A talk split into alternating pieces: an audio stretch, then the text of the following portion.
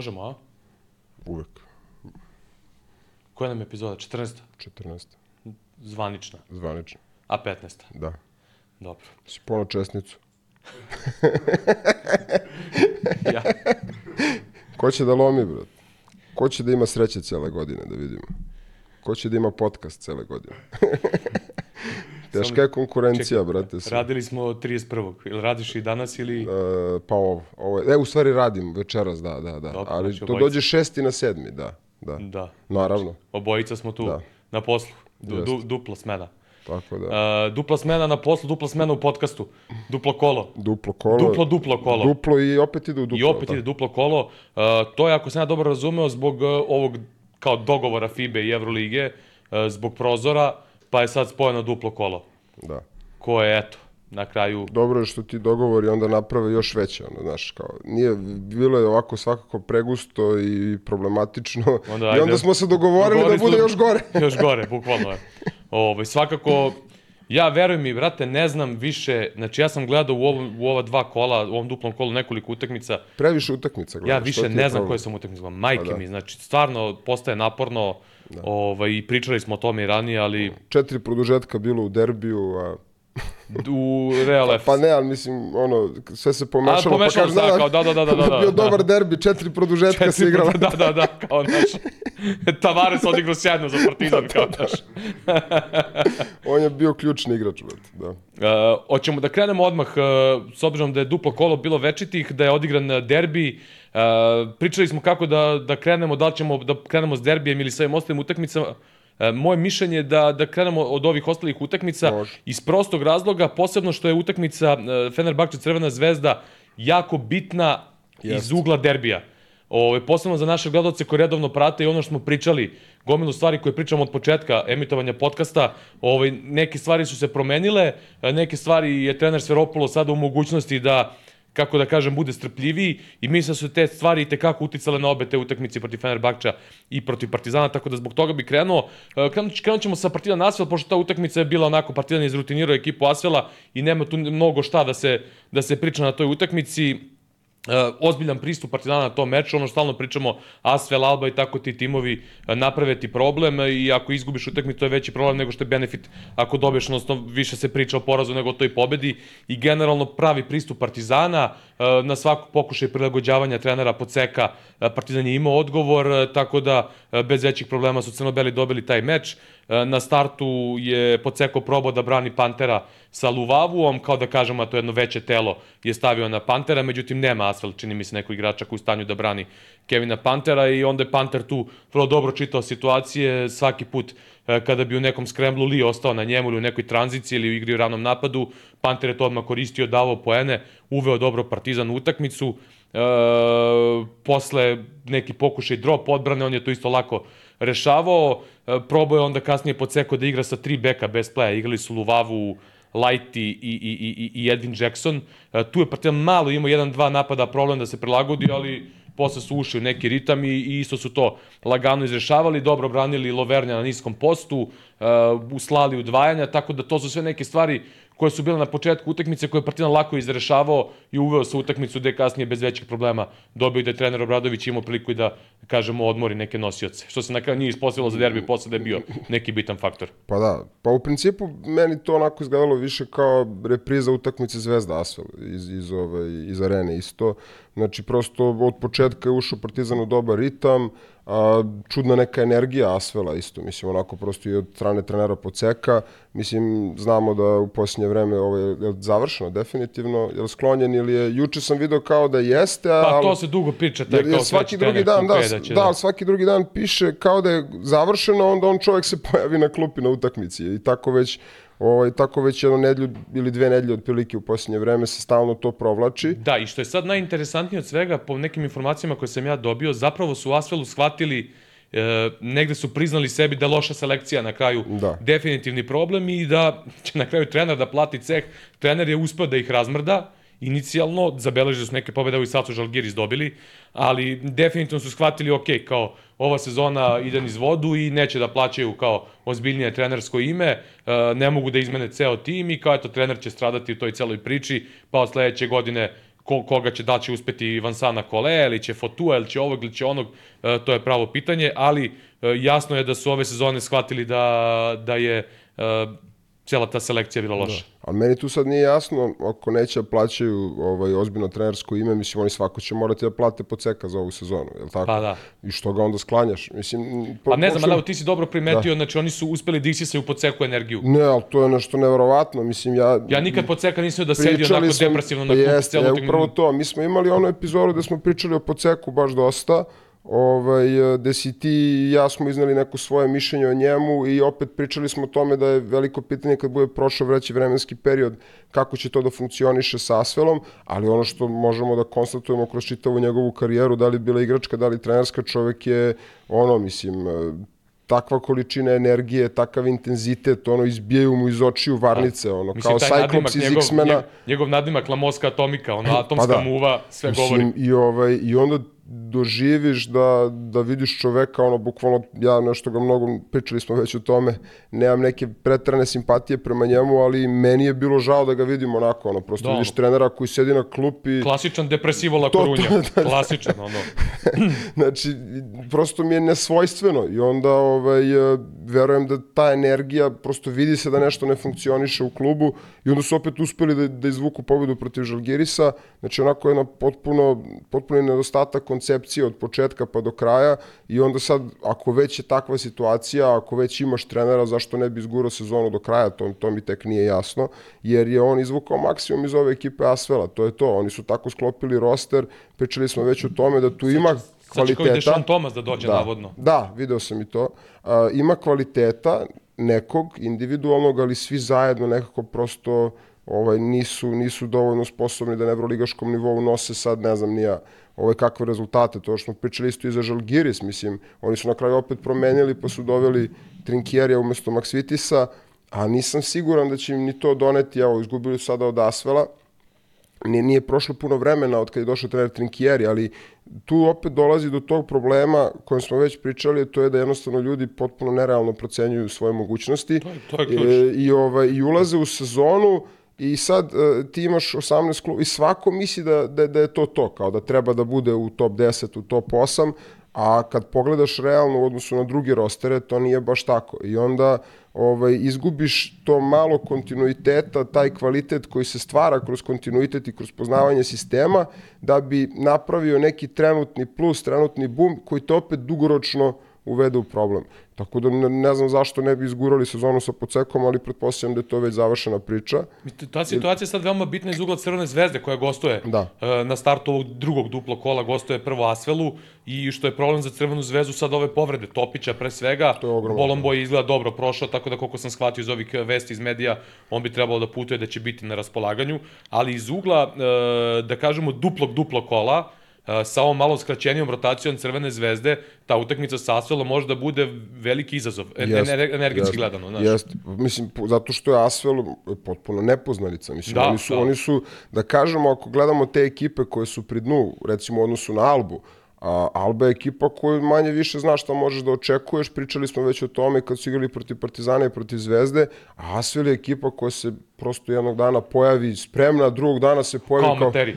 Znači, i onda... Oni su bili na jednu loptu da dobiju Real. Da. Na jednu loptu dobiju Real. Da, zato i kažem. Evo sad su dobili Žalgiris, opet ni to nije naivan nije ovaj ne. skalp. Posebno način, razlika s kojom su dobili da. Žalgiris. Da. I sad ti, ti, a kako su igrali utakmicu protiv Partizana? Znači, ti bukvalno eto roku od dva dana, dva potpuno različita lica i ti nemaš nikakvu predstavu šta možeš da očekuješ od njih, pogotovo ako još plus se desi definitivno ta promena trenera između, između ovaj, te dve utakmice, ti ideš tamo i ne znaš šta da očekuješ od njih. Teško je spremati ekipu za takve utakmice.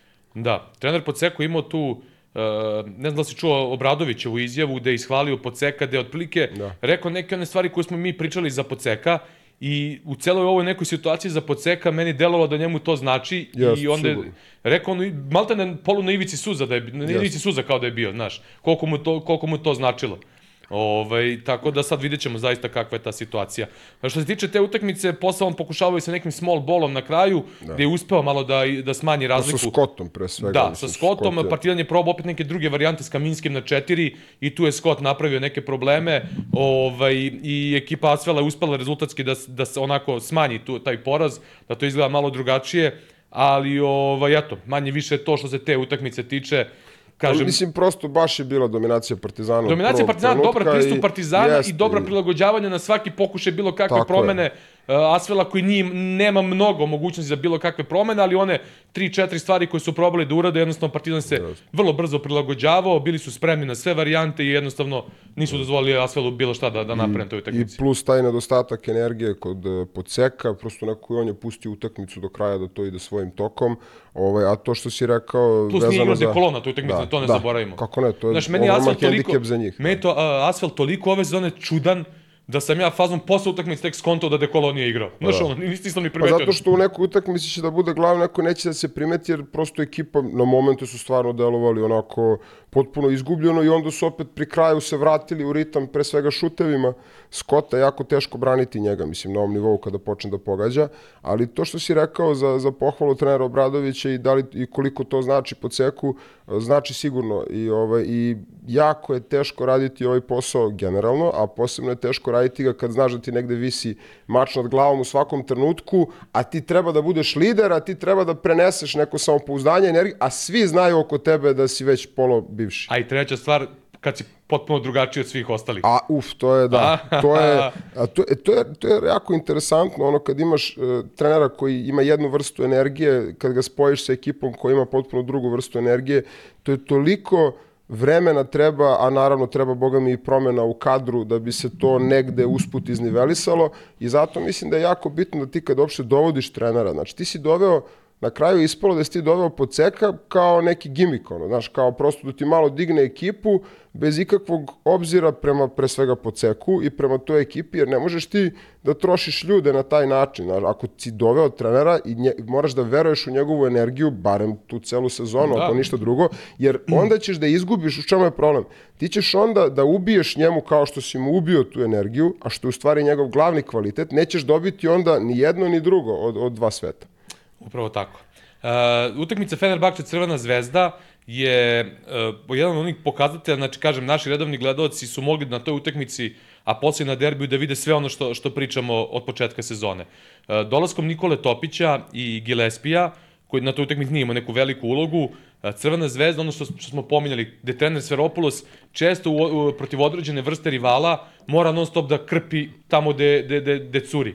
I uh, ako uspe to da zakrpi Zvezda, ima dobar rezultat. Ako ne uspe, ako non stop negde pušta, ovaj, onda je problem. Dolaskom Topića i, i Gillespija, uh, prvo za Topića u odnosu na Šabaza Nejpjera, jedno telo potpuno drugačije, gde protivnik ima manje prostora da targetira spoljnu liniju Crvene zvezde. Samim tim veća mogućnost da drugi igrači igraju na više pozicije, što smo videli recimo uh, Gedraitesa na poziciji 4, yes. što ranije nije bio slučaj. Uh, treća stvar, dolaskom Gillespija, veća mogućnost preuzimanja, i sve ostalo, veća mogućnost da se neke druge stvari sakriju u odbrani i dve bitne stvari koje ističemo od početka sezone, to su bili nedostaci Lazića i Hange.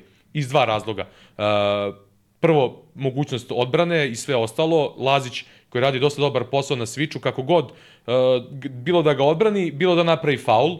Jednostavno, Motli je potpuno izbačen iz ritma, bio na ovoj utakmici, i dobrom odbranom u, u, nakon preuzimanja i generalno Lazić je dosta dobro pravio faulove. Na toj utakmici kako to nekom čudno zvučalo, jednostavno Motli nije mogao da uhvati ritam je ili, ili ne dobije loptu ili ako je dobije fauliranje. Pa isto i protiv Partizana. To, to isto da, radio. zato i kažem, vrlo bitno je da pričamo o ovome iz ugla utakmice protiv Partizana, pa zato ovo sad sve naglašavam. A druga stvar, kada je Hanga u pitanju, mnogo bitan trenutak utakmice je bio, jer je, po mom mišljenju, Fener od starta preuzimo na Topiću, Nije sve preuzimao, preuzimali su na Topić i čini mi se nekim momentima na Teodosiću. Uh, međutim, u drugom polovremenu Zvezda izašla sa Hangom kao primarnim kreatorom, gde naravno nisu preuzimali. Zvezda tu našla prostor, dakle može da nešto iskreira i Hanga je odradio sjajan posao tu u tom, toj fazi utakmice, iako je Fener tu otišao u jednom momentu na 10-11 razlike, ali Zvezda negde tu našla svoj ritam, a onda kad je Teodosić ušao, uh, uspio da razigra i ekipu, uspio da uh, nađe neki, neku igru u tranziciji, i nekoliko stvari, to ćemo posle da istaknemo za neke mlade playmakere, kako je Teodosić par puta manipulisao odbranom uh, preuzimanja, Znači, ono je bukvalno za mlade playmakere da uzmu ta dva, tri, te dve, tri situacije da gledaju i da uče. Tako da, ovo, eto, to su neka moja prva razmišljanja o toj utakmici. Ovaj, ne znam kako si ti video te, te detalje. E, pa ono što je pre svega jako bitno i posle to i prebacilo na utakmicu s Partizanom je pre svega što je Zvezda uspela da pobedi. Znači, mi pričamo od početka sezone koliko trener Sferopoulos od trenutka kada je došao radi dobar posao i koliko izlači maksimum iz prosto situacije koju ima i sad uh, u ovoj utakmici sa Fenerbahčom se desilo da je u tim prelovnim trenucima ono što smo pričali stalno da Zvezda u tim trenucima nekako desi se neki kiks, desi se nešto zbog čega na kraju odu kući poraženi i onda se sve ono pozitivno što se dešavalo i sve pozitivne stvari koje uradio i trener i cela ekipa i igrače naravno nekako izađeš iz utakmice sa prosto osjećajem da to nije bilo to do kraja, a ovde su uzeli jedan baš onako ozbiljan scout, to je prvi poraz Fenerbahča na domaćem na terenu. Terenu, da. A, I koji je bio isto izuzetno i serij od kada je došao trener Eskevičius. Tako je. A, što, sve treba, što je sve jako bitno. Isto. Da, i teo sam jednu stvar da kažem. Na konto ovoga svega što smo pričali malo pre, a, prvi put je Crvena zvezda imala mogućnost i prostor da veruje svom planu do kraja, da bude strpljiva i egzekucija tog plana je bila sjajna. Ali nekako prvi put se videlo to strpljenje. Da. Bez žurbe, bez nervoze, kao pratimo plan, pratimo, pratimo dogovor, imamo sada, uh, kako bi se reklo, ono, personal koji može da isprati taj plan do kraja i to neko strpljenje je dalo rezultat do kraja. Jest. I tu je prosto nemoguće da se priča o toj utakmici pa i utakmici s Partizanom bez pomenjanja tih kadrovskih promena koje su uh, razjasnile nekako sliku. Jel? A, prosto i odlazak Simonovića u Bešiktaš je plus za zvezdu u tom kontekstu što ti sada više nemaš igrača tu koji je tu ni tamo ni vamo. Trener je pokušavao stvarno mnogo puta i da mu da minuti, da go živi. On se jednostavno nije snašao u ovom trenutku. To će možda biti drugačije u budućnosti, pošto je za sad to još uvek samo pozajmica. Ali dobio si taj moment gde sada sa dolaskom Gillespija i sa ovaj tim promenama imaš jasniju sliku koja je čija uloga. A, to što je recimo Gedreitis igrao na četiri, opet negde malo iznuđeno time što nije tu Mitrović, Mitrović ali da. opet a, jedno rešenje koje je vrlo interesantno i, i Zvezda je pogotovo u četvrtoj četvrtini sa tom nižom petorkom napravila ogromne probleme Fenerbahčevu.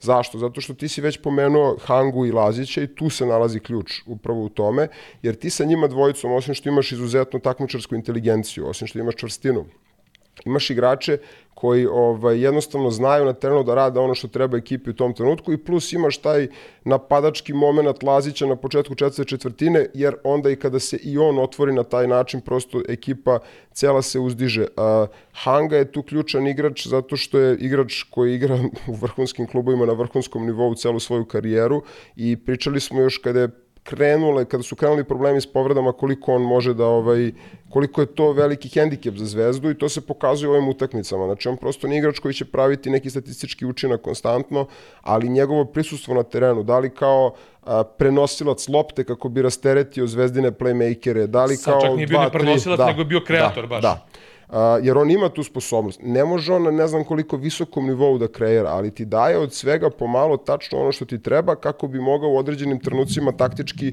da rasteretiš druge igrače i da napraviš ovaj, sebi bolju poziciju. A, sve to što si rekao, to je sve tako, apsolutno. A, I sad taj dolazak Topića, pre svega, a, to su stvari koje teško mogu da se kvantifikuju, da se izmere, ali energija koju, koju donosi ta vrsta promene i pre svega njegov, njegovo samopouzdanje i sigurnost na terenu. Znači u obe utakmice protiv Fenerbahče i protiv Partizana, a, to nije delovalo kao ono što smo pričali često za mlade igrače, kao ono milostinja ili način da ga sad motivišeš, da. ubediš, on na terenu potpuno legitimno, legitimno izgleda kao tu, da. evroligaški da. igrač. Jest, jest. A, bilo je recimo par situacija na kraju utakmice, To mi se jako dopalo što ga je ponovo bio vratio trener Sferopoulos pri kraju kad je bilo, pa prosto nije bilo gusto jer je Zvezda uspela da održi tih desetak razlike, ali je bio onaj neki nalet Fenerbahča pa su ušli u pressing zonski, pa je pogodio Wilbekin na one teške šuteve.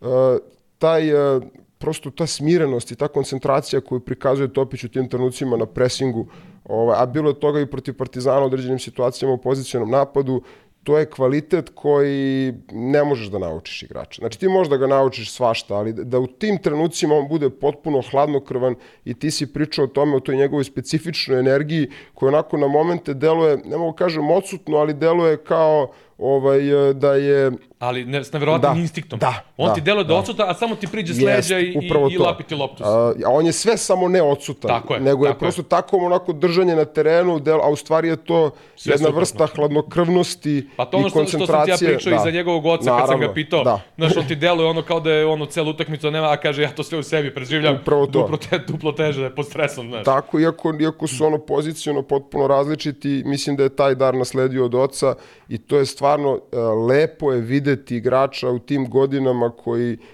na tom nivou košarke nema nikakav problem da se prilagodi u trenutku ili da prepozna ili da pročita situacije. Fener je doveden e, u situaciju bukvalno da zavisi od šuta za tri pojena na toj utakmici. Jeste. I dok su pogađali, imali su onu, onu razliku, kad su prestali da pogađaju, su ušli u takvu nervozu. Uh, tako To je su, ključ. Ka, tako su počeli da, da, a to kažem vrlo bitno, jer je u istu tu zamku upao i Partizan. Jeste. Uh, dva dana kasnije i to ćemo kasnije izanalizirati.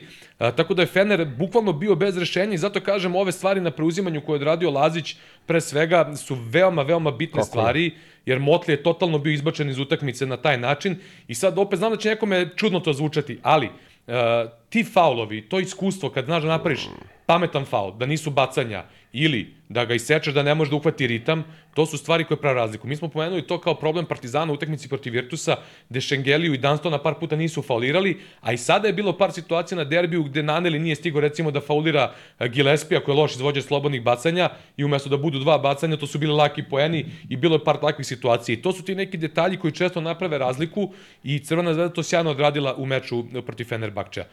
Teodosić, situacije, uh, Fener preuzima na pick and rollu, Teodosić već pokušava da nametne to kad je Hanga izašao u trećoj četvrtini, uh, Teodosić kreće da ubrzava ritam. Ti uglovi. On se zale, zaleće, menja ritam, pun sprint. Motli ne može da stigne tu odmah da preuzme, Teodosić uđe duboko, onda vrati rolling nazad, dok se Motli odredio prema svom igraču koga čuva da li, da li ide preuzimanje, ne ide preuzimanje. Teodosić je već otišao na drugi blok, Motlin, ničija teritorija, znači, eto, ne, ne znam sad koji minut nisam to zapisao, ali mlađi igrači, mlađi, ne nužno playmakeri, ali mlađi igrači te dve situacije treba da pogledaju kakva je to manipulacija odbranom od pick and rolla, znači, bukvalno to, to ono, knjiga, bukvalno. I tu je sad e, važno istaći da se konačno korišćenje Teodosića približava onome kako, Kako treba da bude. tako je. Znači, ne da igra, ne znam, 27, 8, 30 minuta, ne da on mora non stop da vuči, da kreira, nego kao što je korišćen protiv Fenerbahča i Partizana, da ovi ostali mlađi igrači vuku taj deo, a da on ulazi u trenucima i prosto da kažemo rešava situacije, utakmice, da donosi taj ekstra kvalitet tog čitanja koji stvarno je, mislim, e, e, on je, to je nešto neverovatno. Znači, bukvalno ne postoji situacija na terenu koju on u trenutku ne pročita. Da li je to switch, da li je to iskakanje, da li je to pomoć sa, sa, prosto u svakom trenutku kad ti kao protivnik pokušaš Uh, pokušaš sa switchom, on zna to da reši. Pokušaš sa iskakanjem, on to zna da reši. A kad god rotaciju već unapred pripremiš, ono kao ono glow mene iz kornera da izađe na pik na vreme, on odmah gađa pas u korner igrača sa kog si ti Tako pomagao. je, tako je. To je nešto neverovatno. Bila je ona jedna situacija na derbi, ali o tome ćemo Da. posle isto, ovaj, isto za Gillespijevo, ono zakucavanje. Jeste. Ovaj, s tim što mi da je Partizan tu sa 45 trebao da bampuje, a, ni, a nije bampovao Smith. Proći ćemo, ima tu Da, par i- situacija, pogotovo ti rolovi Gillespija su bili jako bitni i u kontekstu zvezdine igre i u kontekstu toga ko je odgovoran u Partizanu za to. Gde je bilo dosta propusta i ovaj, na kraju se to izdešavalo šta se izdešavalo. Uh, šta još možemo da pomenemo sa te utakmice uh, protiv Fenerbahča? Mislim da smo dosta toga, ne, ne, tih nekih stvari bitnih rekli uh, iz ugla derbija da, da, da pripremimo priču za derbi. Znači, ta neka mirnoća, egzekucija plana koja je u potpunosti kasnije prenata na utakmicu protiv Partizana, gde ti u jednom trenutku nisi video, iako da se ne lažemo, Crvena zvezda u drugom polovremenu protiv Partizana nije sad bilo u nekom vrhunskom ritmu, ali da. nije bilo... Uspeli su da održe, da. O, nijednom trenutku ti nisi vidio nikakvu paniku, niti si vidio neku, uh, ne znam ni ja, na terenu neku nervozu ili nešto treće, što je nekako bukvalno prenato s utakmice protiv Fenerbahča. To je zato što su trenutno a, pronašli recept da iskombinuju agresivnost i iskustvo. Znači da taj element e, svoj koji, koji je stvarno prednost, oni imaju dosta iskusnih igrača koji su na vrhunskom nivou igrali evroligašku košarku, a što im je donekle bio problem zbog nedostatka atleticizma. Sad su otprilike našli neki balans, pogotovo što imaju sada, e, tu je Gillespie jako važan igrač, ne toliko zbog ovih poena koje je dao Partizanu, jer je to bilo sad, pa ko zna kad, taj broj poena, nego pre svega zbog energije, zbog mogućnosti da preuzima i zbog skoka. I onda sada ti više ne moraš, e, kada menjaš Bolomboja, tebi više ne ulazi kao zamena koja mora da uđe Tobi, nego ćeš biti u mogućnosti da u utakmici u kojoj ti treba ono što Tobi može da pruži, možeš da ga staviš da igra protiv Partizana, si procenio ti ne treba, ne igra, čovjek ne uđe u igru i to je to. A imaš znači, kombinaciju dva atletski dobra centra, gde Bolomboj, da kažemo, više ima i, i ovaj malo širi repertoar nego što ima Gillespie, ali imaš fizički dobrog igrača koji može da preuzima, koji može da bude na skoku i onda si ti u mogućnosti tu da kombinuješ, što rasterećuje dodatno ove spoljne igrače o kojima smo pričali ranije, da prosto defanzivno nisu na tom nivou i da im treba veća sigurnost od strane ovih, kako da kažemo, libera, mislim, na kraju kraja. Da, da. Uh, Partija Bolomboja isto, to ne smemo da zaboravimo.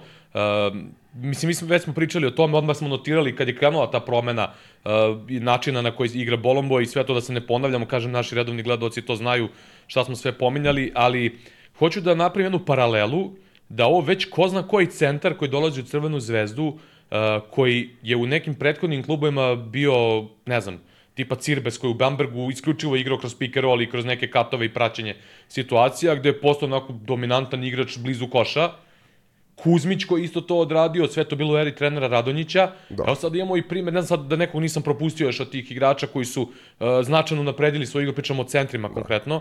Evo ga Bolomboj sada iz neke uloge uh, igrača ono podrške, odnosno role playera, uh, do, sa, do, do ovog trenutka gde počinje detalj po detalj da uvodi u svoju igru, do toga da on sad postaje jedna opcija blizu koša da koja igra.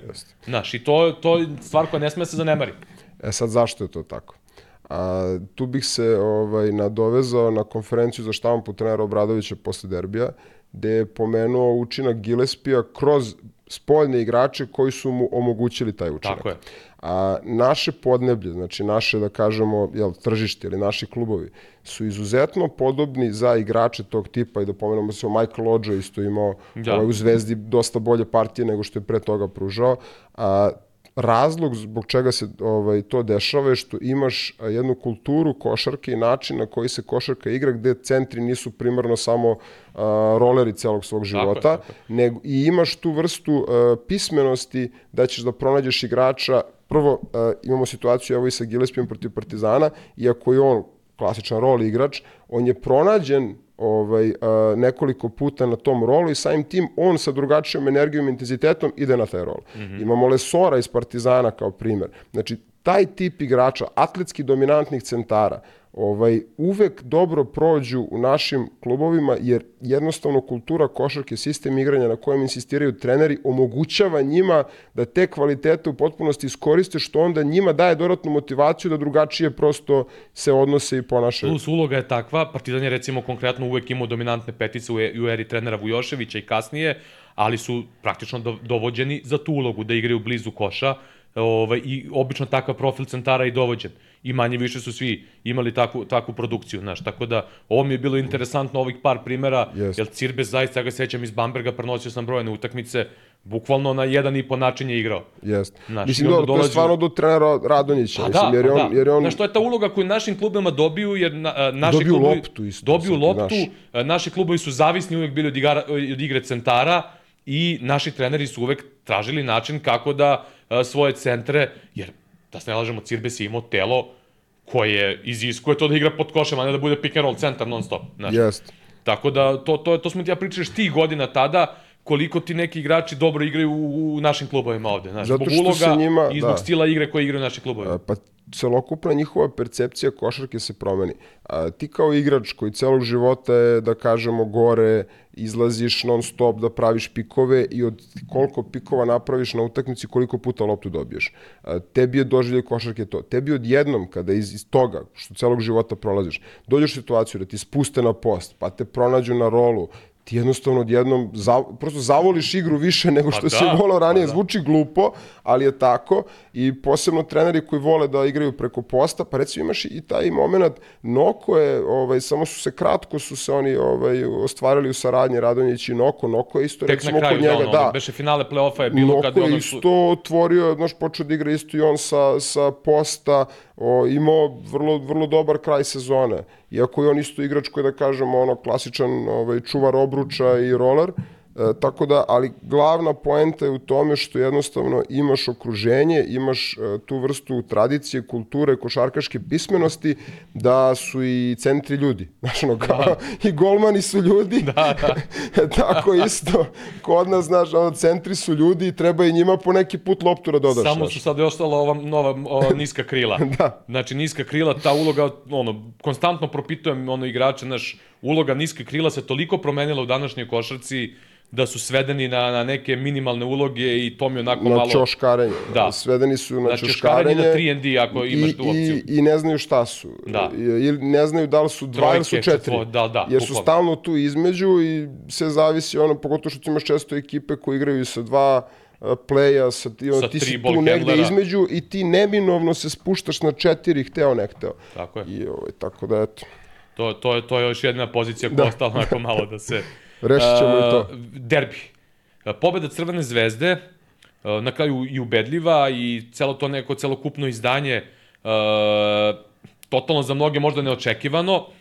Međutim, utakmica išla tako da Partizanov ulazak u utakmicu je bio potpuno drugačiji, odnosno recimo na utakmicu sa Asvelom, ne u smislu kvaliteta protivnika, nego koncentracija i ta prilagođavanja u meču protiv Asvela su bile jedno, u utakmici protiv Crvene zvezde drugo. Uh, sad, dosta nekih komentara ovamo, namo, ne verujem da tu bilo kakvih iznenađenja bilo, niti sada je Partizan mogao da bude iznenađen preuzimanjem Crvene zvezde koja je to radila i na prethodnim derbijima i radila je protiv Fenerbahča i sve ostalo. Jednostavno, ulazak u utakmicu Partizana i konkretno određenih igrača je bio takav da jednostavno energija Partizanova Tako na toj utakmici je bila vrlo diskutabilna, koja je dovela, po mom mišljenju, do kasnije svih Jeste. ovih određenih e, problema, e, dala neku, neko samopouzdanje Crvene zvezdi, ono, e, kako ono kažu, za, za dalji rad, ono, znaš, kad, kad kažu, kao satisfakcija za dalji rad.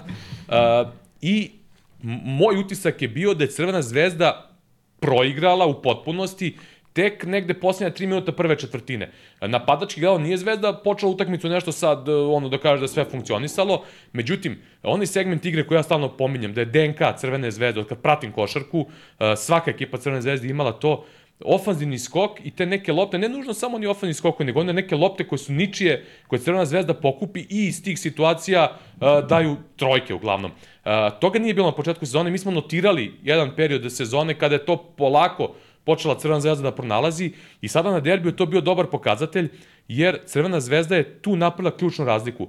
Četiri trojke su bile, ako se ne varam, sve četiri nakon ofanzivnih skokova i nekih išačkanih lopti koje nisu čak ni bile ofanzivni skokovi, nego maltane ih je polu osvojio Partizan, izbijena Jeste. lopta, osvojena lopta, pap trojka, Kanga je pogodio one dve, od čega onu jednu od tablu. Uh, tu je Kaboklo meni imao dosta problema i na oba kraja parketa, iako statistički možda to tako ne deluje. Međutim, na startu utakmice on nije uspeo protiv preuzimanja da imao na neke dve situacije je Lazić napravio faulove i sve, ali generalno nije ostvario neku čvrstu poziciju dole da spoljni Da. igrači mogu da spuste i Partizan je tu ušao u napadački u nesigurnost. S druge strane, njemu su pokupili par tih lopti preko glave iz kojih su došle trojke i to je onaj trenutak koji stalno pominjemo, kada ekipa zada udarac, da vidimo kako reaguje Da. ovaj drugi tim. Partizan je tu loše odreagovao, Zvezda se podigla u tom momentu i od tog trenutka, to je recimo 3 minuta pre kraja prve četvrtine, od tog trenutka utakmica kreće da ide, da kažemo, na Zvezdinu vodenicu u Zvezdinom smeru. E, Pre nego što krenemo u te detalje hronološki da analiziramo šta se tačno dešavalo, moramo da pogodimo tu suštinu. A suština je upravo u tome što si rekao da kada ekipa uđe u utakmicu sa nedostatkom agresivnosti, sa nedostatkom koncentracije, to se onda prolama kroz sve taktičke elemente. Znači, ljudi se često, pogotovo u današnjoj eri gde su svi onako postali analitičari, gde se dosta uh, gledaju akcije i realizacije i ko je gde ovaj, napravio grešku, po znacima navodnika, kako uopšte možemo o tome da pričamo, nikad do kraja ne možemo da znamo šta je tačno hteo trener ovaj, da uradi ta ekipa, a, ti kada u startu uđeš u utakmicu sa nedovoljnom koncentracijom, sa nedovoljnim intenzitetom pre svega, Upravo što je to. bio ogroman problem Partizana, tebi svaki taktički element onda kasni. Tebi svaka realizacija, svaka egzekucija plana kasni za pola sekunde, za sekund. Pritom protiv sebe imaš protivnika koji je bio ekstremno nabrijan, ekstremno koncentrisan i znali su kako da naprave tu egzekuciju plana. Znači, svako ima dobar plan. Ono, pričali smo, ona čuvena Tysonova Tysonova, izjava. svako ima plan dok ga Znači, ne udariš Ne, ne, ne postoji trener na tom nivou koji nema dobar plan pre početka Tako utakmice. je. Niti, niti postoji mogućnost da je neki od trenera bio iznenađen nečime. Tako je, ne, ne, to ne, postoji ne, više. Ne, ne postoji, ali šta postoji? Čak i na tom nivou košarke postoji jednostavno taj trenutak gde igrač ili u ovom slučaju Partizana više igrača uđe u utakmicu nedovoljno koncentrisano i sa nedovoljnim intenzitetom. I onda kada ti tako uđeš u ovakvu vrstu utakmice kakva je bila, kakva je bila derbi, ti non stop praviš sitne greške, dekoncentracije, ne izboriš se za poziciju na vreme, ovo što si pominjao za Kabokla, to je apsolutno stoji. U tim trenucima kao napravi Lazić faul, kao neka prednost. Međutim, taj faul je, ne mogu kažem planiran, ali to je faul koji u tom trenutku Zvezdi ne donosi nikakav minus, a šta, šta se dešava? Dešava se da ti šalješ poruku. Pričali smo o tome ranije, sa tom čvrstinom faula, sa tom izborenom pozicijom, sa tim jakim kontaktom na kojem je inicirao Lazić kada je preuzimao dole Kabokla, jednostavno Kabokla nije bio spreman na fizikalnost ove Tako je, utakmice. i to je to. I to je on je suština. postavljamo od starta poruku u smislu neće ti biti Jeste. lako ovde dole. I, I prosto to to. on posle sve što je davo i on je, mislim, imao najveći indeks na kraju ekipi Partizana, ako je to uopšte bitno nekome. Ovaj, Bitno je samo fantasy pa ja, igračima. ja ne znam kome to I možda... agentima, da. a ovo ostalo, mislim da... E, nije, apsolutno nije doneo tu vrstu učinka koje je trebalo Partizanu dole. I sad možemo o tome da pričamo da a, sad je Zvezda ušla više u, u varijantu da preuzima, jer imaju tu mogućnost da njihovi centri preuzimaju pre svega i imaju te bekove i krila koji mogu to da ostvare prednost, možemo da pričamo o tome koliko u stvari centara danas, a pričali smo o Kaboklu njegovom razvojnom putu, da on nije centar-centar, nego je on u kasnijoj ovoj fazi karijere došao u tu poziciju, koliko njih u stvari nemaju tu tehničku mogućnost, znači ne znaju da na postu traže loptu i da pod uglovima određenim drže igrače koji znaju da igraju odbranu E, na zato postu. ja stalno ističem važnost Frenka Kaminskog, iako ljudi to i dalje ne kontaju ovaj, Da. e, i dalje zbog nekih etiketa. Jeste. Sad je opet Kaminski glavni krivac, E, sad, a moje mišljenje je evo uopšte to, totalno drugačije. E. Nepopularno mišljenje, Da. ali po mom mišljenju Kaminski nije tu mnogo, imao je dve, tri neke greške, ali, Ali- ovo što se sada priča, ne slažem se s ti, tim. evo ti primer sad za to etiketiranje. Znači, juče ovaj, e, na treningu ja pitam svoj igrača onako malo da prođemo kroz derbi da analiziramo i sad odbrana Partizana, napad Zvezde, pick and roll, gde je bio problem? Kaminski. I pominje se odmah Kaminski. Sad, Da, to, da, to je da. etiketiranje. A to je etiketiranje, I sad da. pazi ovo. I sad ja pitam, dobro, a, koliko je igrao Kaminski u prvom polovremenu? I, i ovaj dečko, ja navijač Partizana, a, i kaže, igrao je puno. Koliko je igrao? Puno je igrao. Igrao Znaš koliko je igrao stvarno? Pa koliko kao? Pa to, eto. Ja sam rekao dva minuta, a sam posle proverio, znači ušao je na Minut minut 43. 51, izašao je na tipa 20 sekundi. Pa to je to. 43, tako nešto. Rekao, i on kao, pa kao, a ono rekao, kucanje koje se desilo, ono, ono kad je bukvalno Evo. pista otvorena aerodromska za Gillespija, on nije bio tad u igri. Dve situacije su bile na rolu kada je bio u igri Kaminski u prvom polovremenu. Tako je. Prvu, Ja- nema nikakve veze s njim, njim. prvi koš. Druga je njegova, druga, Druga je njegova, njegova, druga da. njegova odgovornost, prva nije. Jer je ostao na prvo i on iskočio sasvim pristojno, natero je ovaj, jel bio ja, ko je bio na, ne mogu da setim ko je Mislim bio da na prvom. Teodosić, Teodosić je bio, a Smith Desni je bio do- taj sa, sa 45 koji trebao da bampuje rol, Da. A da ne Panter dozvoli... je bio low man koji low je trebao da. se spusti Sad ne u- znamo, ne znamo Partizanovu zvaničnu strategiju da li, da li Panter ide na Kogod da je, ili 45. nije do Kaminskog. Ja mislim da je Smith trebalo da rotira s 45, da, to bilo neko Partizanovo. Da bude kao pil. misliš? Uh, ne, nego da on trebao prvi da Aha, sa samo 45 bump. da bump uradi, da zadrži samo rol uh, ovoga Gillespija dok Da. se Kaminski ne vrati. Znači kasnije je Smith propustio, ne da, ne da je kasnio, nego nije ušao uopšte u kontakt i on je lagano odrolao do koša i ostao potpuno sam. Tako da to situacija, znači svako ko, ko se bavi o košarku, ko zna pred defanzivne Ne možeš principe, da- ne možeš može ti da da- kaže da Kaminski tu kriv. Pa to, ne možeš ti da ideš i na iskakanje i da stižeš, I da stižeš na rol dole. i da, to, to je prosto nemoguće. Činjenica mislim. da Kaminski ima defanzivnih problema, Jeste. činjenica da, da ima sporije noge, sve to Jeste. stoji, znači to smo pričali od početka, ali ne može sad baš sve da se pripisuje njemu. U drugoj situaciji on kasnije U ostaje u nekom dropu O, molim te, između, evo, ti, ti objasni prostoru. čisto da, da, da kažemo, znači, to su bile dve različite situacije, bila ona jedna single tag, a druga ona double tag, uh, znači, na jednu stranu je Teodosić išao vamo na, da je jedan igrač, na ovu gde su dva igrača koji trebaju, i tu je, ova druga je bila, da je išao na ovu stranu, gde, gde je bila odgovornost Kaminskog, koji nije ostao u nekom, da kažeš, Uh, pa nivou... ostao je nekom polu dropu, pa, da, kasnio je, u suštini kasnio je nije ostao u nivou sa na krivoj nozi. Tako je. I, tu je... I to je bila njegova potpuna odgovornost, taj drugi pick roll. Ali je tu problem kada dođe do etiketiranja, kada dođe do tog doživljaja igrača na takav način i te negativne energije koje se stvori i unutar ekipe oko određenog igrača i pogotovo kada, kada je domaći teren, ono što smo pričali kad krenu oni huci sa huci, tribina, da. a, to nisu roboti, mislim, ti ljudi nisu, nisu ovaj, e, od mašina, nego od krvi i mesa i samim tim to utiče dosta loše na njih i taj, ta nemogućnost da pronađu pravi ritam i da uđu u dobar ritam, ovaj te kasnije košta. Mislim, i nije sporno, ne kažem ja, niti ovaj, možemo da pričamo o tome da je ne znam Kaminski, ne znam kakav lockdown defanzivac. Ali, ali, ali ovaj, je činjenica da, da u dosta nekih situacija on plati, on, on uvek na kraju, Tako na kraju je. plati tu cenu čak i kada nije kriv. I kada nije kriv, baš A u ovoj utakmici, ali evo šta je percepcija? Ovo je bila taj, njegova greška je bila i bila njegova greška u drugom poluvremenu, ona je trojka Hange u nekoj tra tranziciji, da. da kažemo, gde su on i, i Ponjitka se nisu dogovorili da li preuzimaju ili ne preuzimaju, on je krenuo da se spušta da preuzima, Ponjitka ostao na svom i Hanga je pogodio trojku koja je isto da. bila vrlo bitna.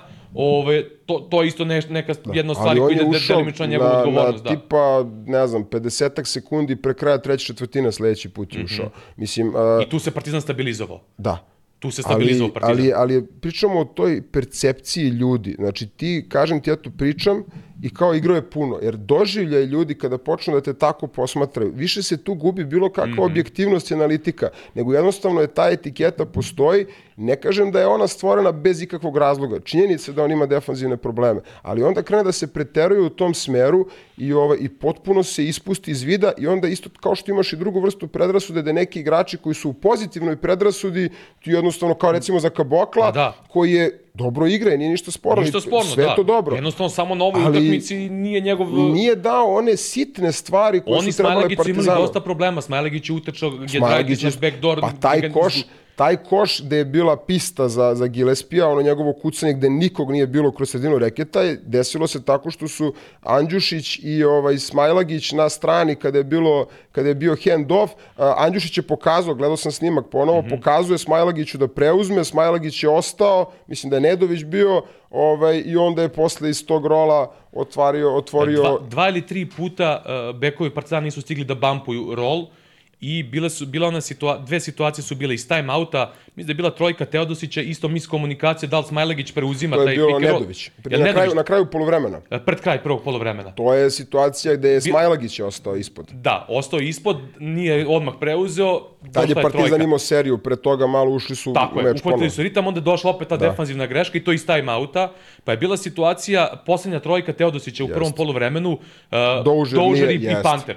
Panter krenuo da preuzima, Dožar nije krenuo da preuzima, Jest. krenulo je kašnjenje, ovaj je otišao na drugu stranu, Nedović to iskoristio, probao, Panter je krenuo da pomogne, ostavio Teodosića Jest. pas, Znači, Crvena zvezda je sve te situacije sjajno prepoznavala, zahvaljujući Teodosiću, zahvaljujući uh, Nedoviću i svaku grešku Partizana su fenomenalno koristili i imali savršenu egzekuciju i to ona mirnoća o kojoj smo pričali i protiv Fenerbahčeja, koja se prenala i na derbi, to neko strpljenje koje Fenerbahče i posebno Partizan nisu imali Just. na zvezdinu vrstu odbrane. Uh, Tako da to su te neke stvari koje su e, bile velike greške i koje su konstantno remetile svaki pokušaj nekog dobrog ritma Partizana ili svake neke promene yes. E, trenera Obradovića koje posle na konferenciji to se videlo po njemu, znaš, e, videla se ta nervoza, vidi se da, da ekipa nije egzekuciju plana izvršila, da ima dosta grešaka, gde on nije teo igrača da baca pod autobus, što se kaže, imao je neku zadršku, ali moje neko mišljenje poznavajući ono što igra Partizan, što igra trener Obradović njegove ekipe,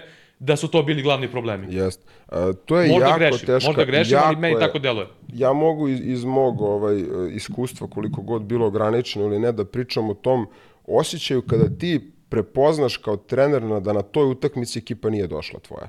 Znači, prosto nisu došli. Možda neki igrač je koncentrisan, ali većina njih nije na nivou koncentracije koju iziskuje ta utakmica i ti uđeš u taj izbor gde pokušavaš da, da uhvatiš priključak, da menjaš, da rotiraš, da nađeš petorku ili da nađeš ritam iz kojeg možda se vratiš u meč, ali uvek ti zafali to nešto.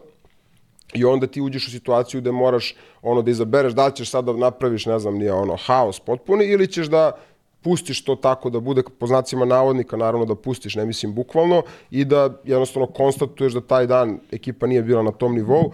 E, jako je teško kada igrač sam nije dobro uveo sebe koncentracijom u utakmicu, da ti tokom utakmice njega motivišeš, vraćaš u koncentraciju, objašnjavaš mu situacije, pogotovo na tom nivou. I mislim da se to desilo ekipi Partizana, gde, gde nisi imao dovoljno raspoloženih igrača koji, na, koji su na prave načine čitali situacije.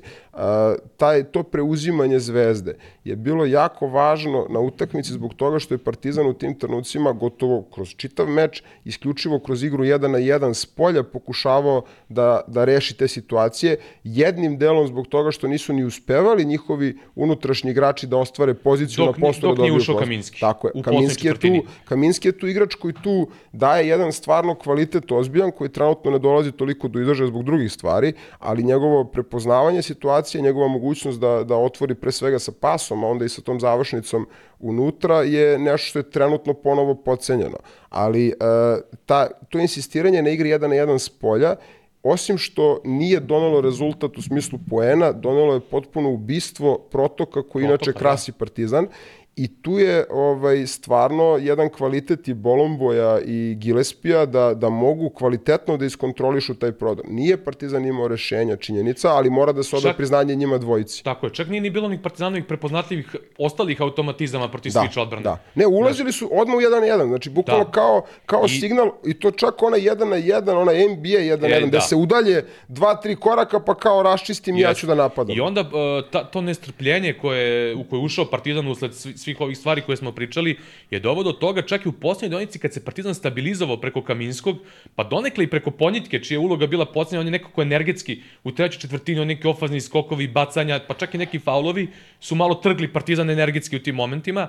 Uh, kada se Partizan stabilizovao, opet tu nekoliko lo loših rešenja bekova Partizana uh, koje su praktično poremetili ceo taj neki povratak Partizana u igru. Ovaj, Imala je i Zvezda dobre odgovore u napadu u tim trenucima kad je Partizan pravio razlike. Eto, recimo, pomenuli smo kraj a, poluvremena, gde je Partizan napravio neki, da kažemo, mini udar, pa je onda se desila ta trojka, odmah iz timeouta trojka Nedovića, Nedovića, pa trojka i onda Teodosića. opet iz timeouta trojka trojka Teodosića koji isto bila, da kažemo, egzekucija savršena. Znači, Zvezda je imala to strpljenje i dobre rešenja u napadu u trenucima kad je dolazilo do, ne mogu kažem panike, ali kad je dolazilo do tih trenutaka da se Partizan trenutaka, vrati. da tako kažem, je. kriznih tako je. trenutaka. Zvezda je imala strpljenje, Partizan nije imao to strpljenje.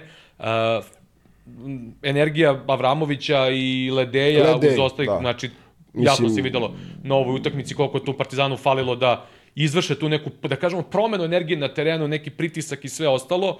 Ovaj, tako da to je bilo više nego evidentno na ovoj utakmici. Pogotovo Ledej je, je pričali smo o tome ranije i ovaj koliki je njegov značaj, prvo kolika je njegova minutaža kada je tu prisutan.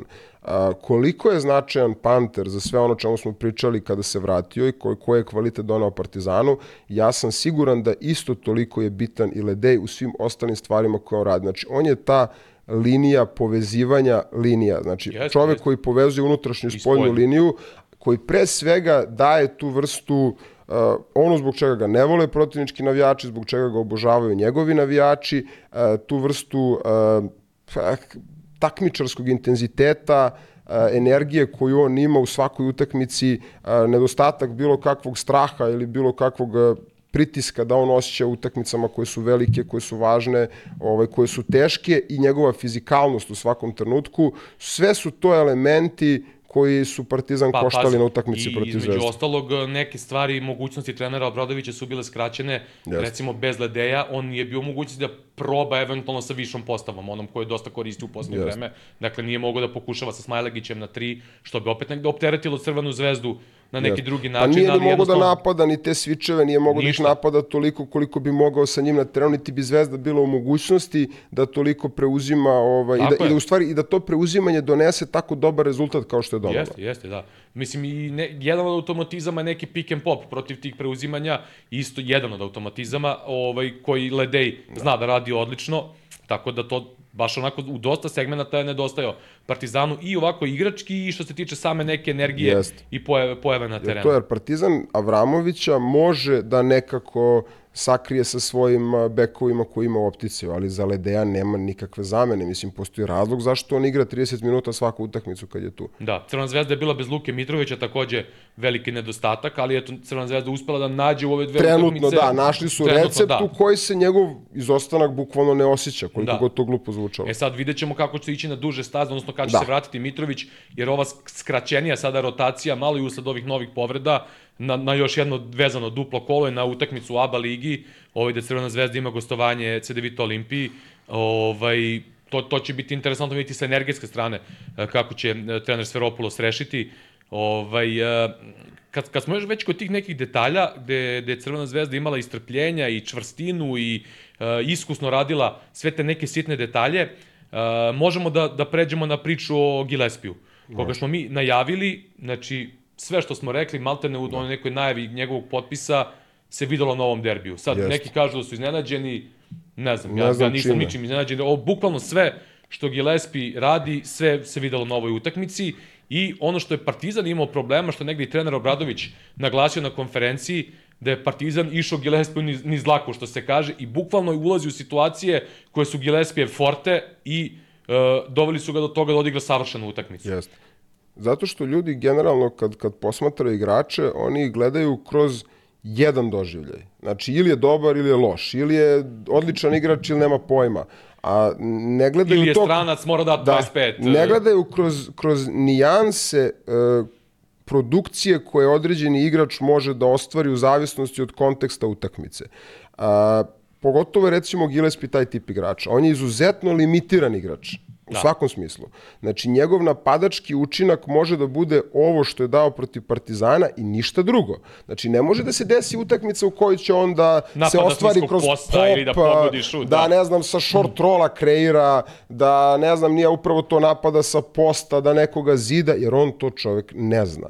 I to je I to niko ne treba da očekuje da će Tako je. donositi. I ovaj i ali šta on zna? To jest šta on u čemu je on jako dobar. Prvo on je on je pametan igrač. Koliko god to ovaj ljudi tako ne doživljavaju. Vrlo inteligentan momak i vrlo pametan igrač koji e, prvo ti da bi znao da radiš samo ono što Brate, znaš, moraš da budeš pametan. Od, odlika, jedna od stvari inteligencije je da, da znaš šta znaš A, i da ne ulaziš u ono što ne znaš. Upravo to. A, I on je u tom kontekstu vrlo i disciplinovan igrač. I Jeste. on, I on ne radi stvari koje ne zna.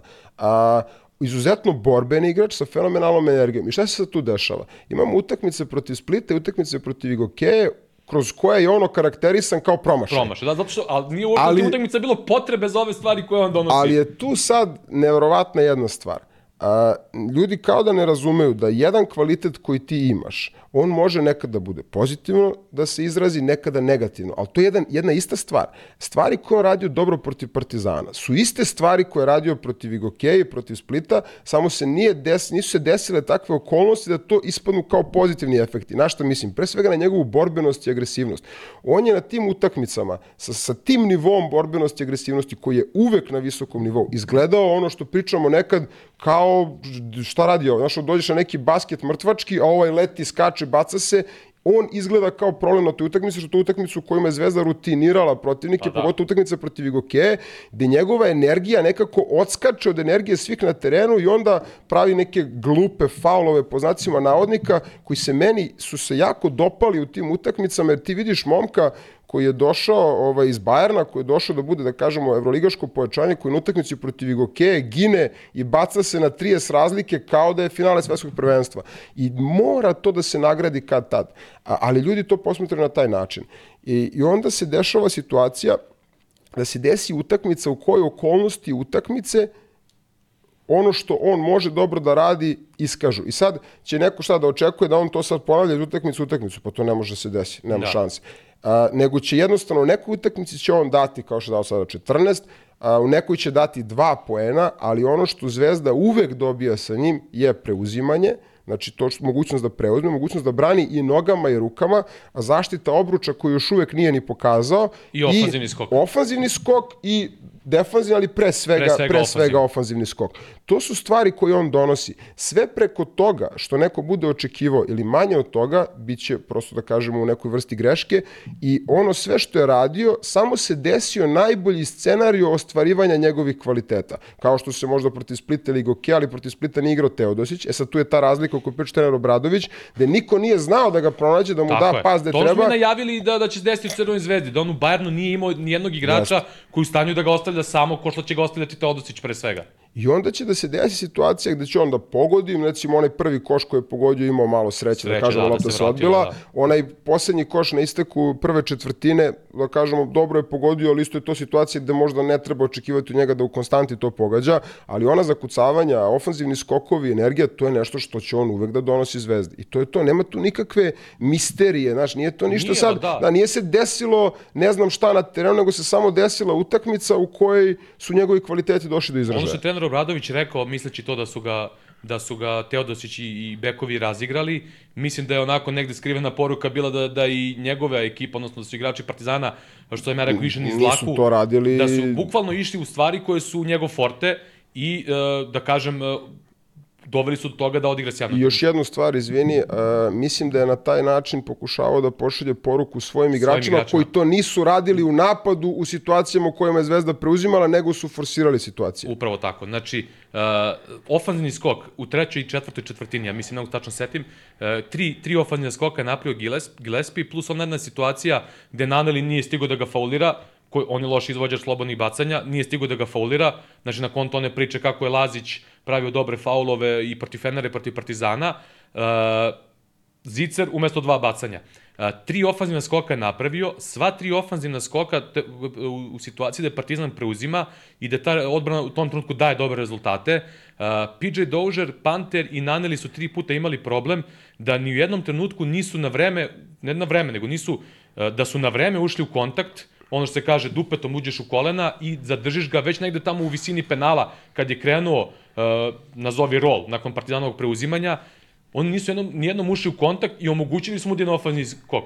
Ta koncentracija i ta energija da je postojala na utakmici, da su ušli već u kontakt u tom delu terena, Gillespie vjerojatno ne bi ni došao u situaciju da pokupite ofanzivne skokove. I to je verovatno jedan deo te poruke koje je trener Obradović pokušao onako indirektno između redova da pošalje a, svojim igračima na, na konferencija, sigurno im je rekao verovatno i u slačionici.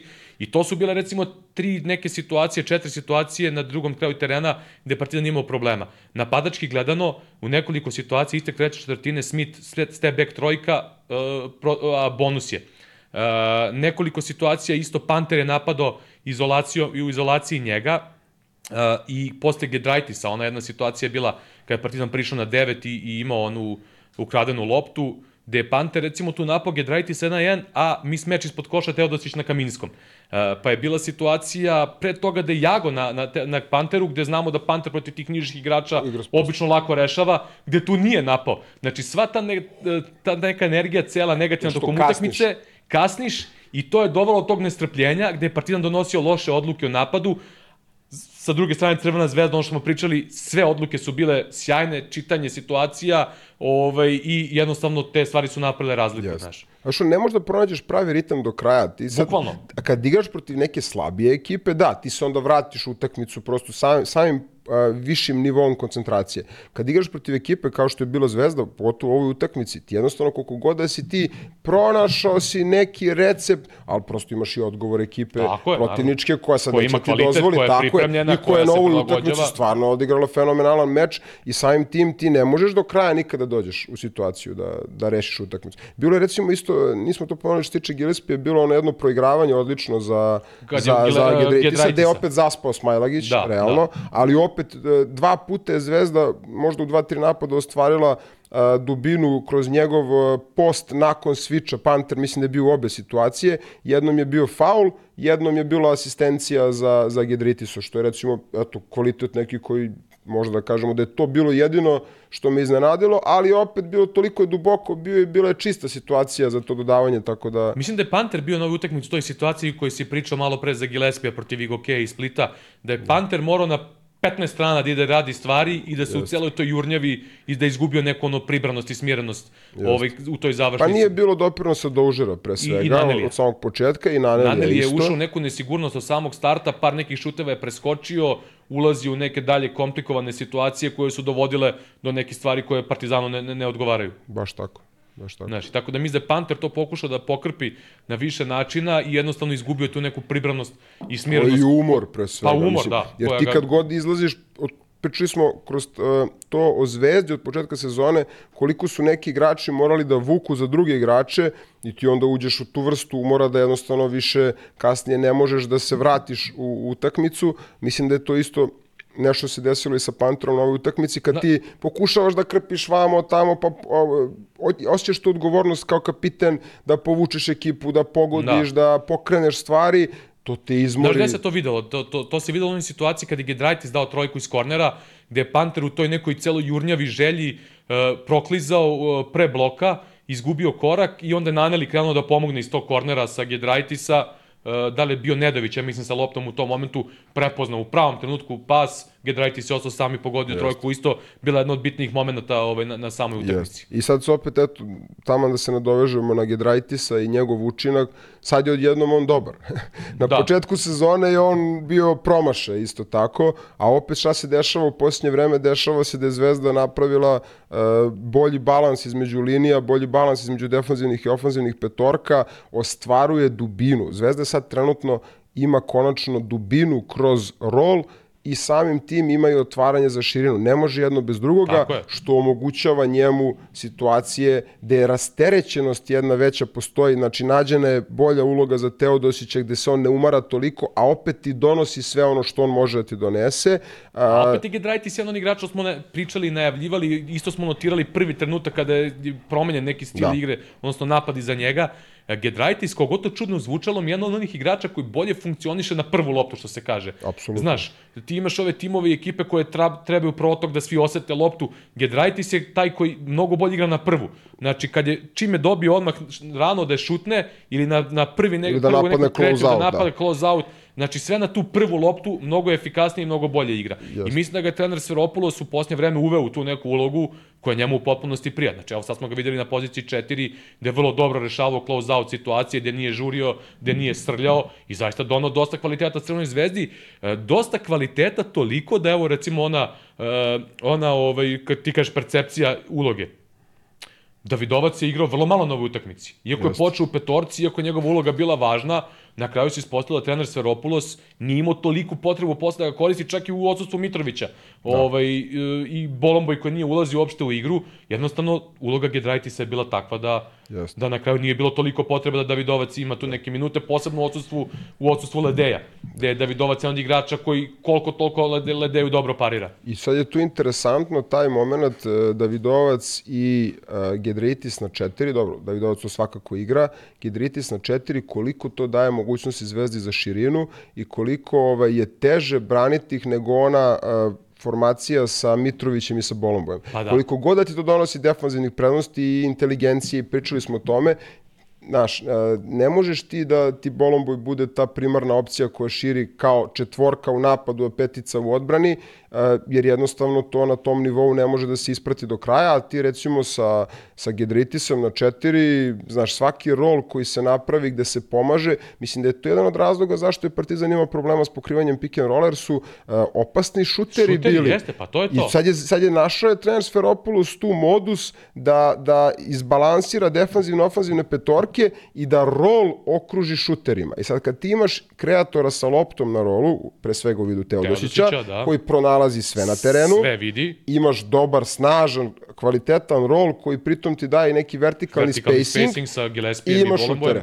I sad to, to je mnogo teže da se brani nego ona varijanta u kojoj su se krpili na početku, pa je, ne znam, tu Mitrović, pa on nije opasnost šutem, pa opet, iako je Bolombo iz polja, on je malo veća opasnost, ali, Ali nije- nedovoljna... ali nije konstantna tako opasnost. je, nedovoljna da ti ne pomažeš njega. Znači, ti ćeš lagano da pomogneš njega. Kad ti treba da pomogneš sa Gedritisa, sa Nedovića, ti si u ogromnom problemu. Pritom, Sa Hange. Sa Hange isto koji je pogodio važne trojke, Lazić protiv Fenerbahčeva pogodio, znači ti si onda već u mnogo, mnogo težoj situaciji da ti kombinuješ i kroz Topića, to si ti je pomenuo, njegov size, Size je takav da nije bolji switch. bolji i, switch i nije, nemaš ta, target, ne, nemaš, Tako je. oni su ranije, svi sportnici su targetirali Napiera između ostalog, znaš, Jago je tu, ono jeste, Jeste. fizički jak, ali je niži, Jeste. znači sad, mnogo manje prostora za targetiranje. Znači, inteligencija, ti u svakom trenutku imaš dva, tri igrača s polja, e, izuzetno visoke košarkaške inteligencije, znači bio recimo na početku, ok, otvorio je sa koš faulom Topić, ovako bitan moment za da se čitava hala pokrene energija, ali ono što se meni mnogo više dopalo asistencija za Davidovca za tri poena Ono kad je je na- preko trećeg, sa da, 45 na znači bio je 45, pik, treći. rol preko trećeg, on je u trenutku prepoznao pomeranje na rol, pogodio je na suprotni 45, otvoren šut i to je trojka. To su stvari koje je radio odlično i za Megu u utakmici protiv Partizana, ja sam to baš u prenosu tada notirao par puta, neverovatno kako vidi te neke stvari i kako čita kornere iz takvih situacija i ta neka njegova smirenost u tim godinama, eto, i, i ovaj, se videli na ovoj utakmici, nažalost ta povrada, Ogroman hendikep ogroman za hendikep za Obe Crvenu povrede. zvezdu i nadamo se da, da neke su inicijalne informacije 4 do 6 nedelja, Znači, minimum mesec dana. da, nadamo se da neće biti više od, od toga, ovaj, pošto te povrede kolena znaju da budu baš onako Jeste. Ali komplikovane. videlo se odmah u trenutku, jer on na close outu se povredio. Na close outu zapela mu noga i... i- videlo se, ono, ja gledam utakmicu sa, sa Ćaletom i kao, e, kao nije mu ništa, znači, jer je u tom trenutku delovalo, on je na, otišao u napad, vratio, da. rekao, ne, ne, ovo, ovo je sigurno nešto nezgodno, jer tebi čim igrač tako propadne ovaj, iz neke situacije koja nije toliko očigledna, znači da se desio neki veći problem. Nadam se i zbog njega, i zbog Zvezde ogroman hendikep bi bio i stvarno bi velika šteta bila da kad su već ušli tako dobar ritam i on kao igrač i zbog svog razvoja da svaka propuštena utakmica njegova u Euroligi je, je velika šteta i za nas kao gledaoce i za njega kao igrača, tako da nadam se da će biti mesec, da neće biti mesec i po dva. Da, e, Partizan recimo u drugom polovremenu isto nije imao Smajlagića na raspolaganju, ovaj, ali kažem, nekako se stabilizovao ulaskom Frenka Kaminskog, gde je Partizan tu uspeo da nađe neku dubinu, što iz rolla, što e, protiv tih preuzimanja. Kaminski je, da kažemo, negde izbacio Lazića, e, koji je morao da ga faulira, imao je teži posao Lazić protiv Kaminskog. Iako ljudima Kaminski možda ne deluje toliko čvrsto, ipak Da. mislim da, da, da je to onako varka. Ovaj, I dosta dobrih stvari je tu Partizan dobio u tim momentima, prodisao je, počela je počela malo da funkcioniše neka napadačka igra, ali te neke greške uh, koje smo malo čas Pa jednostavno si pomne- iskopo si preveliku rupu sebi i sada Tako se je. odatle iščupaš je mnogo teško. Tako je. Iako je Partizan ove sezone često znao da prestigne tu razliku, jednostavno u ovoj, u ovoj utakmici ovaj, dosta tih nekih sitnih grešaka je Partizan koštalo na kraju. Pa bila je jednostavno je Zvezda uspela, recimo to drugo polovreme. Zvezda je izgubila, da kažemo, neki čisti protok, neku igru, ali nemoguće da ti, sad, ti si napravio 20 razlike, za pošto će napraviš još 20 razlike u drugom polovremenu. Znači, prosto to je nemoguće A pritom, Vujak, na tom e, nivou. U, ove dve sezone nekako odlika ve, većine tih derbija je bilo da jedan tim napravi veliku razliku, Jeste da i ovaj da bude okrene. preokret, Da. ovaj da dobije ova druga ekipa koja je da. napravila preokret. E, ali ovde je recimo Zvezda tu uspela da nekako umrtvi igru onako futbolskim Jeste, jeste, rečnikom, jeste, jeste. a da i dalje održava razliku, što je jako teško. Sad ti, ti imaš negde, nekad taj da ne bude ono 2-0 je najopasniji rezultat, da ne bude 20 razlike najopasniji rezultat, ali ti negde uh, ulaziš u situacije gde može da dođe do opuštanja, ne klasičnog opuštanja, znaš da je protivnik opasan, ali prosto ćeš da napraviš i Zvezda je to i radila u nekim trenucima, jednu, dve odluke koje ne treba da doneseš, Jago je tu zaglavinjao par puta, ali su onda, ali onda trener Sferopoulos timeoutima uspevao da vrati, da vrati Zvezdu na pravi kolosek i uh, to je jako teško da ti sad održiš razliku, a da ne daš priliku, šan, e, priliku protivniku da se vrati u meč u potpunosti, a Zvezda je to uspela. Nekako videlo se da imaju plan da u drugom poluvremenu malo umrtve utakmicu i da ovaj i dalje traže svoje prednosti, ali da tempo obore utakmice, da ne bi davali Partizanu tu konstantnu situaciju da iz nekih tranzicija iz viškova može se vratiti trojkama pogotovo u meč, a dosta je teško to u praksi da napraviš egzekuciju, oni su to uspeli, tako da tako da eto recimo to drugo poluvreme je bilo potpuno drugačije u odnosu na prvo. Da. Uh, sledi opet duplo kolo. Crvena zvezda ima gostovanje, gostovanja Asvelu i Armaniju.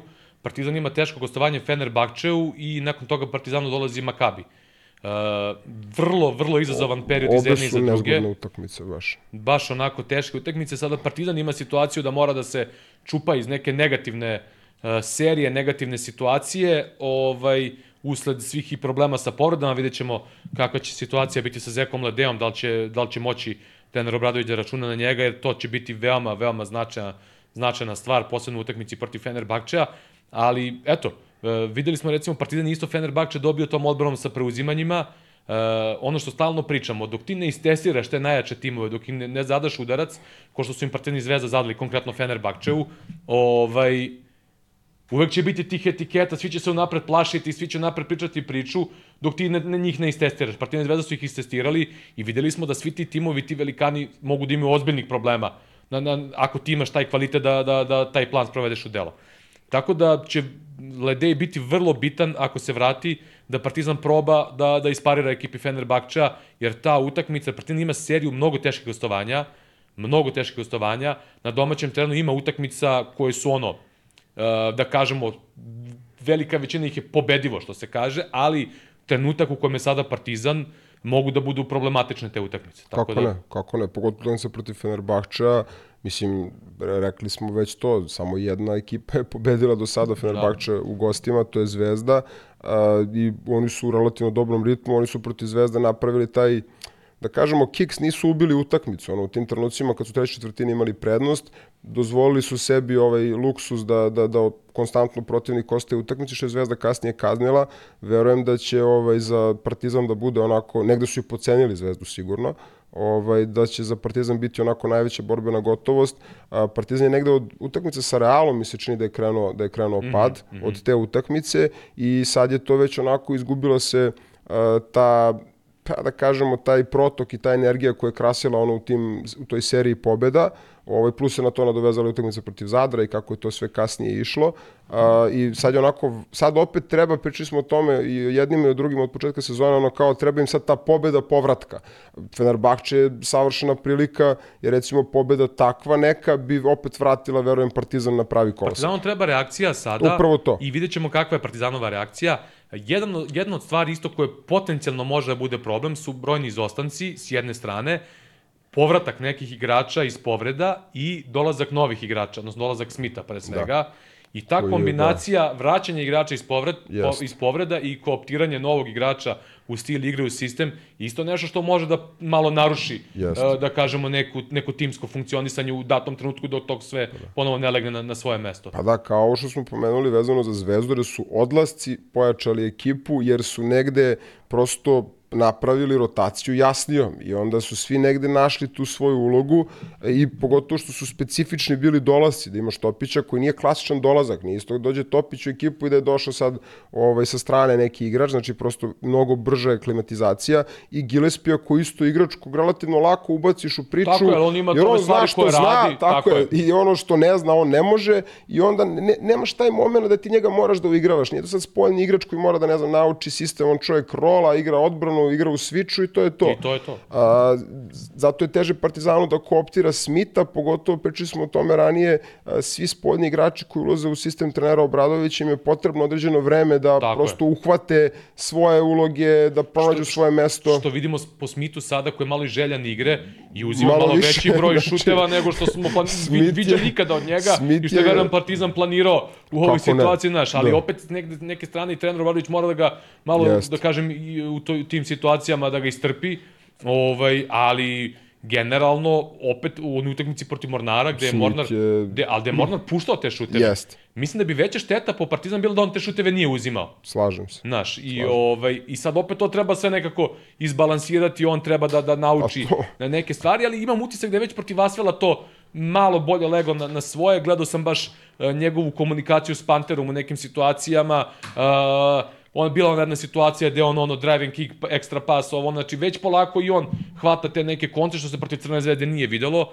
Ovaj, ali dobro, mislim, kažem, to, to su stvari za koje je potrebno vreme, tako da će to biti vrlo izazovno za Partizan da vrati igrača iz povreda, da njega kooptira i da opet svi nađu neke svoje uloge to može da bude takođe jedan deo ovog problema trenutnog e, ekipe Partizana, kogo to nekom čudno zvučalo. Jeste, jeste. Znaš, tako da Partizan ima dve vrlo teške utakmice, Crvena zvezda ima Asvel koji je izazovna utakmica, jer je to ona utakmica o kojoj stalno pričamo gde svi očekuju laku pobedu, a u, ovako, u ovakvom tempu sa skraćenom sada rotacijom može da bude problematična, a ne mora da bude. Tako da, kažem, ta utakmica vrlo, vrlo bitna za Crvenu zvezdu, ovo je čak verovatno i bitnija nego ova protiv Armanija.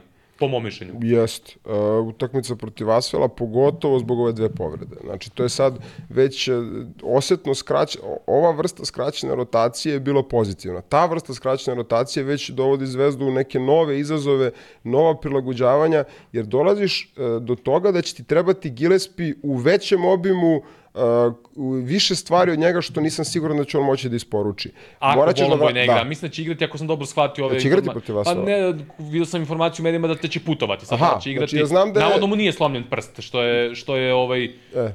ta informacija, a s druge strane ovaj, još se ne zna za Mitrovića, da li će, da li će biti spreman. Pa dobro, ako bude Bolombo igra, onda to je druga priča. Druga priča, da. Uh, ali opet će biti, će biti teško, će biti izazovno. Izazov, nije izazovno. isto, ti si imao otprilike oko 20 minuta Topića i protiv Partizana i protiv Fenerbahča.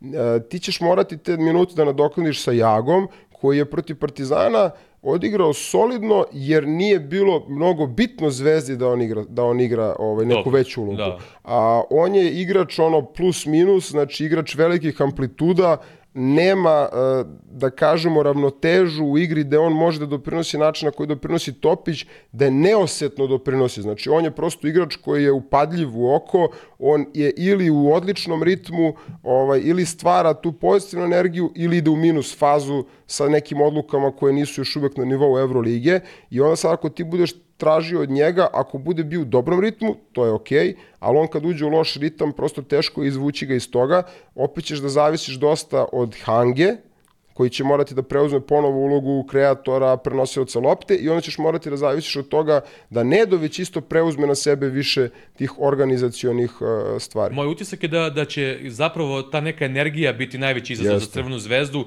iz tog razloga što Topić neće moći da igra, što to automatski sada praktično koliko to utakmica, šest utakmica u 14 ili sedam utakmica u 14 dana, Da. koliko je igrano. Znači duplo kolo, duplo kolo uh, plus dve utakmice u ABA ligi, znači da. šest utakmica.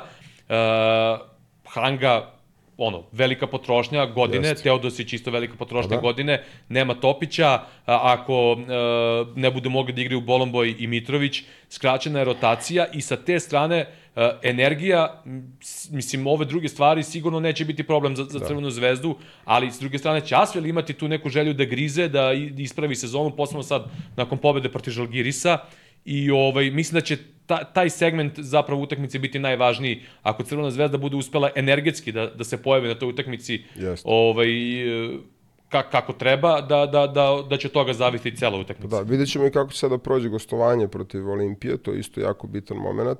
Uh, ono što je dobro za Zvezdu je što je ostvarila samopouzdanje konačno u ovoj sezoni. Može da se vidi to i kroz igru i kroz igrače i Nedović je baš ovaj dao izjavu uh, da im je jako puno značila ta pobeda protiv Fenerbahča i to ono što smo pričali od početka sezone. Mnogo je drugačija atmosfera i energija i sve kad ti pobediš. Oni su radili dobrih stvari protiv Barcelone i na mnogim gostovanjima pa- i protiv pa Žalgirisa, evo ti, evo- ali na kraju izgubiš i Pa evo ti nije najbolji to to. primjer, mi to pričamo u podcastu, odnosno si kao šta pričate, kao naš ono, Pa vi da, ih branite, pa- vi ovo i ono, znaš, ali to su neke stvari koje ti vidiš, ali jednostavno falilo je... drugačije, upravo to drugačije, onda ti sad stekneš sa upouzdanje čoveče, ej, dobili smo Fenerbahču u gostima, a možemo da dobijemo i Partizan. I sad opet dobili su i Partizan, a idemo da dobijemo Asvel. S drugačijom vrstom energije, samopouzdanja ulaziš u utakmicu i na te igrače, koliko god da su oni igrači na vrhunskom nivou, utiču te sitne i male stvari. Šut koji uđe, ne uđe, ti vidiš po reakciji igrača koliko im nekad znači neki šut koji su pogodili prosto. Tako da i slažem se da je taj Asvel e, možda i bolji test da vidimo e, koliko je ipak e, trenutno ostvarena ta kohezija na tom nivou da i uz odsustva igrača koji su bitni postali u rotaciji, da li Zvezda može da pronađe način da, da pobedi u gostima. A onda utakmicu protiv Armanija to je onako derbi. Da, da, to je utakmica koja...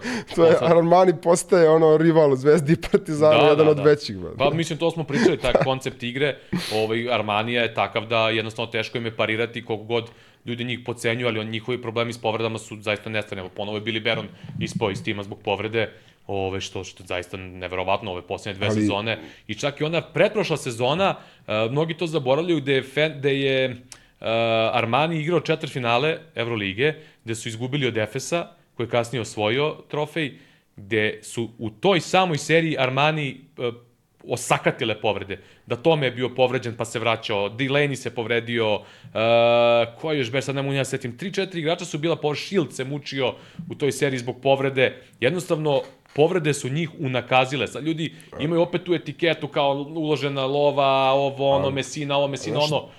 Znači, za, za njih je bukvalno opravdanje su povrede. Da, ali e, ako imamo sad recimo tendenciju da već tri sezone pričamo o povredama, mislim, jel možda tu ima nešto Do ritma. nešto do ritma ili ima nešto do metodologije rada, jer prosto meni je više postalo nemoguće količina Kasne povreda pripreme. koju ima koju ima Armani konstantno. E, Ako gledamo zadnjih nekoliko sezona, odnosno na sve ostale ekipe, ne mogu da pronađem ni jednu ekipu šta koja ima približan broj povreda. Kod Armanije je problem što su njihove povrede uglavnom sve povrede nosilaca glavnih igrača.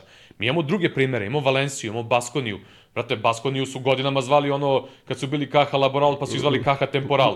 Ono, potpisuju igrače na mesec dana, na tri meseca, jer su im stalno povređeni igrači. Ali vrlo redko se njima dešavalo da nosioci budu povređeni. Da. Ovaj, I ovo Valencija isto, svi koji godina. Stalno, bre, ja više ne... Znaš, svaki put se, u, vidi ga ovaj u Valenciji, ili u, ovaj u Baskoni. Znaš, stalno zaboraviš na neke igrače koliko, im je, koliko imaju povreda kroz celu sezonu. Onda su, stalno su potpisivali ono na dva, tri meseca igrače, ali kod Armanije je problem što su stalno povređeni. Shields, Mirotić, Billy Baron, eh, ranije Delaney, eh, Datome, znači to su sve bitni igrači koji su nosioci i to utiče na njih jednostavno. I onda dovode igrače, pokušavaju da pokrpe, ali ti ne možeš lako na- nađeš igrača koji će biti nosilac. I to je po mom mišljenju najveći problem Armanija, kogod eh, to zvučalo kao neka, neka prosta konstatacija kao povrede. Nekad ljudi kažu povrede, povrede, ali nisu toliko povrede problem, jer nisu to nosioci. Jeste. Pa vidjet ćemo, ajde, kako će to da bude. Mislim, ima tu milion faktora, sad može se priča o tome kad kreću pripreme, da li je tu dovoljno vremena da se igrači pripreme za sezonu. Pa, teško je da Sve se su to- komentariše kad ne znaš unutra. Ne ali, znaš unutra, da. Ali prosto ono, negde se postoji pitanje prosto da li nešto u metodologiji rada nije kako treba kad se dešavaju te povrede. Znaš, ne, Armani ti je opet jedan od onih primjera, ko što pričamo za NBA, Armani je jedna od najboljih organizacija ovaj, u, u evropskoj košarci bez ikakve dileme u smislu nekih uslova, logistike, putovanja, aviona, s- ovo kako se zove, medical staff i oprema za, za oporavak igrača. To sam baš kada sam intervjuisao Nemanju Nedovića, sve vreme nismo pričali na tu temu, ono, uh, uporedio mi je da je to stvarno NBA nivo u tom nekom smislu. I eto, i eto Armani Imaš čime da uporedim. Mislim. Pa da, i sad eto ti je, e, to ti je primer da, da se u Armaniju koji ima sve te uslove, igrači malta ne povređuju. Izbaksuzirali su. Kao u znači, NBA-u, to je, ono- znači, to je ono, toliko su se posvetili potencijalnom oporavku igrača da su izbaksuzirali. Ono, da, Pa, ne, da. da nemaju nikoga u stafu, onda bi se manje povređivali. Što se Partizana tiče, dve izazovne utakmice u smislu protiv timova, protiv kojih je switch odbrana uh, bila veoma važna. Uh, u prvom delu sezone Partizan je switch odbranu na preuzimanja dobio, dobio Fenerbahče, okrenuli su utakmicu, dobili su. Isto to su radili prošle godine uh, protiv Makabija, ja sam tad posle pobede protiv Fenera rekao da me ta utakmica bukvalno preslikana protiv, Fener, uh, protiv Makabija iz prošle sezone. Tako da će u ovoj te dve utakmice za Partizan biti veoma bitna i ta neka vrsta odbrane koncentracije i da vidimo reakciju Partizana nakon, nakon ovog bolnog poraza protiv Crvene zvezde pre svega. Pa Makabi je ono must win situacija, definitivno, s tim što je Makabi isto spada u ovu kategoriju ekipa koja ja ne mogu da definišem do kraja, ovaj, imaju velike oscilacije, naravno i zbog celokupne situacije koja ih prati, zbog toga što igraju van svog domaćeg terena, pričali smo o tome, ali isto to je ekipa koja mogu da zamislim da, da napravi iznenađenje na utakmici, da, da uđe u utakmicu u boljem ritmu, a mogu i da zamislim prosto neku vrstu dominacije Partizana. Jako mi je teško da... Oni da su prošle prognoziram. godine recimo u prvom polovremenu sve pogađali.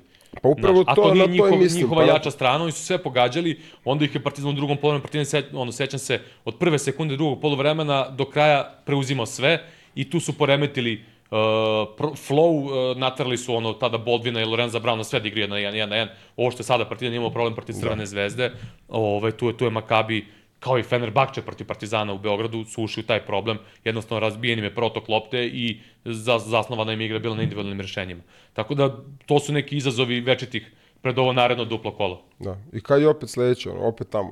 Uf, nisam gledao, ali kažem ti, ovo, ovo Kao duplo pred ovo kolo... duplo kolo, znaš, ovo, kao- ovo duplo, duplo kolo je iznuđeno zbog Fibinog prozora koji je ono u, u februaru, ako se ne varam, kad su i kupovi. Tako Svaka da, čast svima.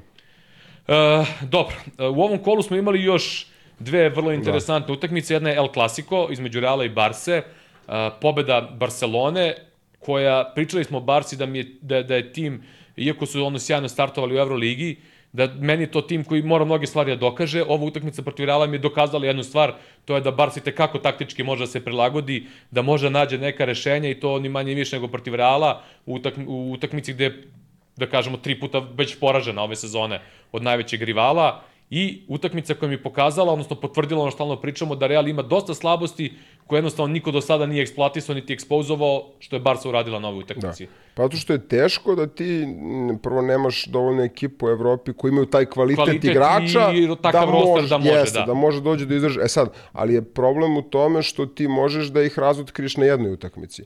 Ali da li, da li će e, igrači tvoji biti sposobni da pogađaju šta treba, da izvrše taktički detalje u svakoj utakmici koju igraš protiv njih. I tu je najveći kvalitet Reala, što oni su jednostavno njihov generički mod igre je dovoljno kvalitetan da pobeđuješ u velikoj većini utakmica.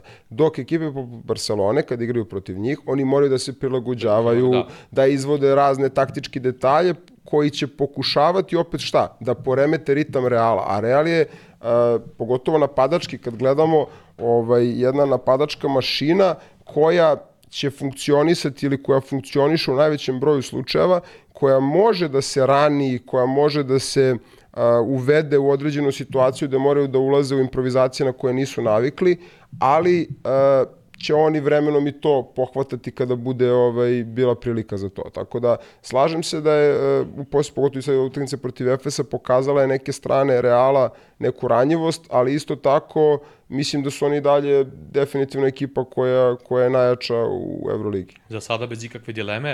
Uh, opet je ta switch odbrana napravila veliku razliku, u drugom polovremenu Barca krenula da preuzima. Barca ušla čvrsto, uh, spremna i natrali su Real na šta? Da. Na šut za tri poena. 30 pa. i nešto trojke su ispalili, uh, uglavnom isto iz nekih izolacija. Ovaj, eto, kad jedan Real ne uspe da nađe, mi smo već pričali o specifičnostima odbrane sa preuzimanjima, to je takozvani switch odbrani, ovaj, i, i, i koliko ona može da poremeti timove, ako, ako nisi miran, ako nemaš gomilu nekih rešenja da nađeš, jednostavno, e, ta neka energija Barcelone je bila takva da Real nije naša druga rešenja i oni su šutnuli više trojke nego dvojke na, na toj utakmici. U sve to, uh, mislim da su malo uspeli da uspore Real, nisu im dozvolili uh, da, da se onako rastrči, da i na tu neku bržu igru. Kad god bi Real uspio da nađe tu bržu igru, imali pa da. su rezultat. A to je isto jedna od Realovih odlika. Jeste, da bi ti mogao da uđeš u tu vrstu preuzimanja protiv ekipe koja isto ima vrhunsku pozicijnu veličinu kao što ima Real, ti moraš da imaš to na svojoj strani. Znači ti moraš da imaš igrače koji imaju dovoljan size da preuzimaju s polja i nutra. A pre svega Tavaresa da, moraš da zadržiš. A da imaš isto tako igrače koji su motorički, da kažemo pre svega brzinski sposobni, da nakon tih preuzimanja mogu da pokriju bekove, a, pogotovo igrača poput Kampaca. Znači, jer, jer Real ima, ima vrhunsku poziciju veličinu od 2 do 4, naravno i na 5, i ima dva a, prava dominantna keca i peticu. Znači, to su igrači koji su on old school, jedan i old school 5. A, da bi ti igrao preuzimanje protiv tako dominantnog keca i tako dominantne petice, opet ti moraš da imaš e, stvarno ekipu koja je na, na vrhunskom nivou fizičkih mogućnosti i što, koja opet taktički ima. može da... Da, koja što ima. Barca ima, ima, znači Veselog što se tiče unutrašnjih pozicija, ima Satoranskog koji, jest, koje je telo jest. na poziciji playmakera, Jokubaitis isto, znači sve su to igrači, odnosno persona koje, koje Barcelona jest. ima na svom raspolaganju, pritom i Barca igrala bez Abrinesa na toj utakmici, Abrines je jedan, jedan od najpocenjenijih defanzivaca u, u Euroligi. Znaš, ono, svi gledaju kroz dobar šut, kroz ovo, kroz ono, kao on je ovakav, on je onakav. Niko ne primećuje zapravo kako Abrines igra dobro odbranu. Ne? Da. Pa eto. Znači, i, i svi su od 2 do 4 su isto krupni, visoki, mogu da preuzimaju, mogu da... Pa da, Joel Para ima jest. ulogu baš iz tog razloga. I oni su u tom smislu e, nekog e, reaktivnog taktičkog odgovora ekipa koja je potentna, koja može da napravi problem svima, ne samo Realu, ali je pitanje da li su dovoljno rutineri da reše kada bude trebalo ili u sutra u play-offu. Tako i je. To, to je najveće pitanje za Barsu, ono što smo pričali od početka. Da. To je mi najveći znak pitanja za Barcelone na duže staze i kad se bude lomilo, da li će biti u stanju da te stvari donesu Baš, na teren. U kontinuitetu. U, u jednoj utakmici da. u redu, ali da. ja već spomenuo, znači oni su tri puta već izgubili do sada. Tako je, tako je. Znači to je 1-3, nije, nije 2-2, jel? Uh, dve teme unutar ove teme su mi bitne. Imali smo jedno pitanje vezano za Tavaresa. Da. Uh, jel znaš iz glave pitanje tačno kako pa, da, da nešto ne pogrešimo? Bilo je pitanje u kontekstu nje, da toga da se on posmatra kao dominantan centar, a da sa druge strane ekipe često ga targetiraju kroz pop i određene detalje koje on u igri ne može da isprati. Uh, da. Uh, slažem se sa našim gledalcem uh, u smislu te etikete ja isto mrzim etikete i generalno nikad nisam ni rekao za Tavaresa u smislu dominantan, dominantan, dominantan. On radi neke stvari koje, koje radi i on kao takav se idealno uklapa u sistem Reala, ali sad da je to kao on nužno primarno dominantan, e, da on primarno donosi Realu tu dominaciju, s time se ne slažem uopšte, jer svi ovi ostali su ti koji Tavaresa čine tako dominantnim, Jeste. s jedne strane. S druge strane... I potpuno odsustvo, da kažemo, vrhunskih centara na nivou Evrolige. Da. A s druge strane, opet se ne slažem ni sa činjenicom da uh, timovi prave toliko prednosti, jer su opet to neke etikete uh, i kroz neku pogrešnu terminologiju i kroz uh, neke ocene, jer Real sa Tavaresom, videli smo, ponekad i preuzima. Da. Pričali smo već kako su oni fal napad, naprav, napredovali u tom segmentu da su počeli da preuzimaju, ali ne stalno. I sad ti kad imaš Real sa, sa ovim ostalim igračima, kad je tu Dek, kad je tu, ne znam, i NDI koji preuzima kao četvorka, uh, nužno ti je lakše da, jel te, igraš pick and roll protiv Tavaresa, koji ti u dropu i koji ti ostavi neki prostor da odatle nešto iskreiraš. Ali, to nije posledica slabosti Tavaresa, nego samo koncepcije. Ako ti igraš pick and roll sa četvorkom, najčešće će ti preuzimati. Što dovode dalje problema, ti ne možeš pretirala da nađeš toliko mis mečeva ako ti ispreuzimaju. Ovaj, tako da su to te stvari koje trebaju malo precizno da se kažu, ovaj, jer sad niko ne, ne uvlači Tavaresa u pick and roll zašto on loš defanzivac pick and roll. Partizan mu je pravio problem sa pick and popom i to Sa smo pričali sa Smajlagićem, e, gde je jednostavno treneru Mateu trebalo vremena da promeni koncepciju, ne u smislu, mi smo to smatrali da ti ja kad smo pričali pre par epizoda, da možda jednostavno nisu očekivali da će Smajlegić u kontinuitetu praviti taj problem, pa je kasno uh, rešio da preuzima, odnosno da radi taj pil, da preuzme na pick and popu i da napravi drugu vrstu uh, izbora i, i rizika. Mislim da je samo to problem, da, da jednostavno ne prave timovi neku preveliku prednost preko, preko da. ovoga Tavaresa, znaš. Sa, samo je više malo, da kažemo, neka neprecizna priča ili površna priča, kao što je recimo bio slučaj u onom finalu Golden State-a i, i Bostona. Ne da sećaš, mi smo pominjali tada. Svi su napali tada ime u doku, kao vidi ludaka, brani u dropu Stefa Karija. I sad, zato što jed, jedan segment toga je kad ti braniš u dropu, da imali smo i pitanje da malo objasnimo a, neku terminologiju i sad mi smo se i trudili sad ovaj, u nekim epizodama da neke stvari objasnimo. A, drop odbrana je centar koji je ispod nivoa Tako bloka je. I koji vam brani prodor u reket, a potencijalno imate prostor za šut iz driblinga. I sad logično prva pomisao je ok, to je dovoljno prostora Karija da pripaljuje trojke. Međutim, kad ti pogledaš širu sliku toga, na toj prvoj utakmici koju Boston dobio tada u finalu, uh, Boston je Golden State uzeo sve one druge stvari. Kari je davao, ali nije bilo onog zunzarenja, da, protrčavanja, da. ulaska u reket, jer to je pocenjena stvar u igri Golden State-a bila godinama, ti poeni iz reketa. Svi su videli samo trojke, ali niko nije video reket. Nije bilo protoka lopte, nije, nisu bili otvoreni šutevi za, za Clea Thompsona i ostale igrače. Jednostavno, taj izbor imeo dok je bio tada takav da brani u dropu, Kari jeste pogađao i dao veliki broj poena, ali svega ostaloga, ostaloga nije bilo i ekipa je dobila tu utakmicu. Tako da mislim da je to slučaj i sada sa Tavaresom, dosta nekih nepreciznih ocena ovaj, dovode do toga da kao timovi možda imaju neku prednost protiv njega. Ja to ne stičem utisak, ali opet s druge strane ne slažem se s tim da on nužno kao najdominantniji, kao najdominantnija petica Evrolige, Jer recimo etiketa je bila i prošle godine kada je Real pobedio Crvenu zvezdu u Pioniru, gde jeste Tavares imao, bio u nevrovatnoj formi, tada igrao sjajno i na toj utakmici imao nekoliko bitnih poena. Ti ja smo pričali tada, meni su tu utakmicu direktno dobili Sergio Rodriguez i, i Musa, koji su tada da. našli realu smirenost, jer eh, su ovi ostali igrači imali velikih problema uh, i kada su oni ušli na teren, oni su tu napravili eh, neki, neki zaokret iz koje kasnije samo profitirao Tavares sa nekim situacijama.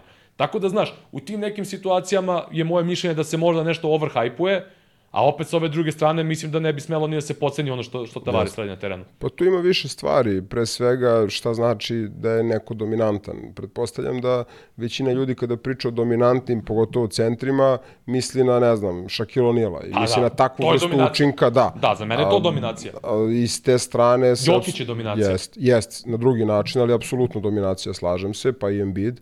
A, da, ovaj, da. To, je, to je ta vrsta dominacije, jednostavno je nemoguće očekivati od bilo kog igrača u Euroligi i od centra pogotovo, jer jednostavno on nije ni blizu tog tehničkog nivoa, a, niti je te vrste, recimo ako pričamo o Shakilu, te vrste a, motoričke sposobnosti u kombinaciji sa tehnikom koja je inače kod Šeka bila izuzetno pocenjena kategorija u njegovoj igri. A, Tako da tu vrstu dominacije na koju ljudi misle kada se priča o dominaciji, naravno da ne možemo da očekujemo od Tavaresa. Tavares je prosto igrač koji je a, u potpunosti maksimizovao svoj potencijal kao igrač. U sistemu Jest, igre Reala jest. i u okruženju. I jedan igrač koji je u suštini a, po svim svojim karakteristikama trebao da bude role player, jel te, kao igrač koji Uloge. je... Kad kažeš role, misliš da, igrač da, uloge. igrač Da, da. uloge, znači Da, da, igrač da. uloge koji ima izuzetnu veličinu, koji prosto je dobar čuvar obruča, odličan na skoku. Pa Kao takav i došao u Real. Tako je. I on je prosto kao takav bio jedan, jedan projekat koji je ovaj samo kroz godine, kroz očigledno izuzetan rad na sebi, pre svega u fizičkom smislu, a boga mi i u košarkaškom, napredak Mhm. jer koji on je je kasno ostvario. počeo se bavi košarkom, u 17. godini. Ja sam pisao o tome A da. kada su igrali ovaj, eh, prošle sezone Partizan pred utakmicu, pr- pred, u stvari seriju celu Partizana i Real Madrida, dosta o njemu, Uh, I on je čovek koji je ostvario maksim, znači ne, ne da je maksimalno, znači on je prebacio, Prebacio maksimalno maksimum, da. svoj potencijal i kao takav on jednostavno u, na nivou Evrolige pre svega ni nema dovoljnu konkurenciju u vidu protivničkih centara, jer se celokupna koncepcija evropske košarke okrenula ka niskim centrima i on da. kao neko ko je motorički vrlo solidan za tu veličinu koju ima, prati to donekle, a uspeva da svojom visinom i snagom ostvari ne dominaciju u konvencionalnom smislu te reči, ali da ostvaruje prednost. Možemo da, da uporedimo sa slučajem Bobana Marjanovića u Crvenoj zvezdi. pa to je najbolje poređenje jer koje je on možemo da tada napravimo. došao u Crvenu zvezdu i zahvaljujući okruženju ovaj, eh, je postao Jest. dominantan i čini se da se igralo više kroz njega i da, da kažemo, njegovi rivali na terenu nisu mogli to da isprate. Zato što on u potpunosti odskače od eh, koncepcije ekipa i kao takav Bobi je bio mnogo bolji napadač, Uh, Tavares je pre svega mnogo bolji defanzivac i bolji je motorički, naravno tu nema nikakve dileme. I on je vremenom kroz to iskustvo koje je sticao došao do taktičkog nivoa da može da prepozna neke stvari, čak i da napadne sa posta, da kažemo ono, naštrebao je par poteza mm -hmm. iz kojih on može da rešava situaciju, on nema ni blizu tu mogućnost improvizacije kao recimo ti pravi vrhunski centri dominantni kao što je Jokić, kao što je Embiid, nego jednostavno e, naučio je da na najbolji mogući način koristi svoje fizičke predispozicije i to je iskombinovao sa višim nivom taktičke pismenosti koji je opet proizvod igranja u realu, sa okružen sa vrhunskim igračima i sa igračima koji znaju da prepoznaju njegove kvalitete i jednostavno bre iskustvo koje stič, stičeš, igraš toliko utakmica na tom što, nivou. I ono što ja stalno ponavljam, Real ima, se za tebe. Real ima najbolje raspoređene uloge unutar tima, bez ikakve Upravo dileme. to. I ima igrače koji su, ovo što je pominjao trener Obradović za korišćenje Gillespija, to je Real u svojoj suštini, znači ima izuzetno inteligentne, taktički pismene igrače koji će njega da pronalaze u situacijama, koji će njega napraviti da izgleda još bolje nego što on jeste. To ne znači da je on loš, on je igrao iz Zelenorska ostrva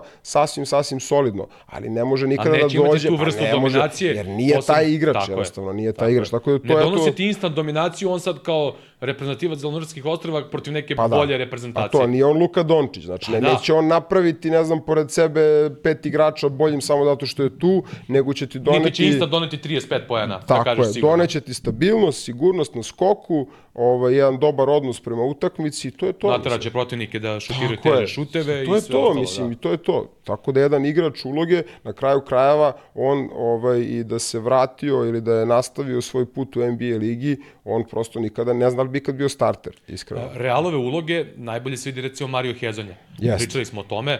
Hezonja koji je tretiran e, i kao ovakav i kao nakav i imao razne uloge po timovima, došao u Real, gde je on, da kažemo, neka tamo opcija, Jeste.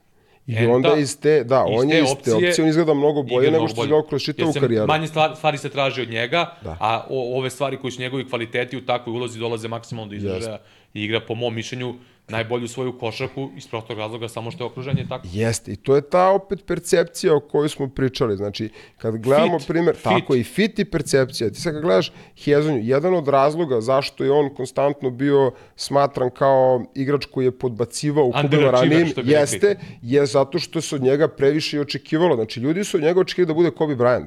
Mislim, naravno, ne na tom nivou na kom je bio Kobe Bryant, ali da bude taj tip igrača, Mhm. da bude igrač sa tom visinom, koji može da kreira, koji može da igra igra jedan na jedan, koji može, on sve to može da igra, ali da li može da igra u obimu kojim je to bilo prognozirano? Ne. On može to da igra u ovom obimu u kojem to radi u Realu, okruženi sa igračima koji će ga sakriti kada on ima loš Tako dan, a kada ima dobar dan, kao što je recimo bilo sinoć, on će izgledati Isti fenomenalno. slučaj i sa Musom.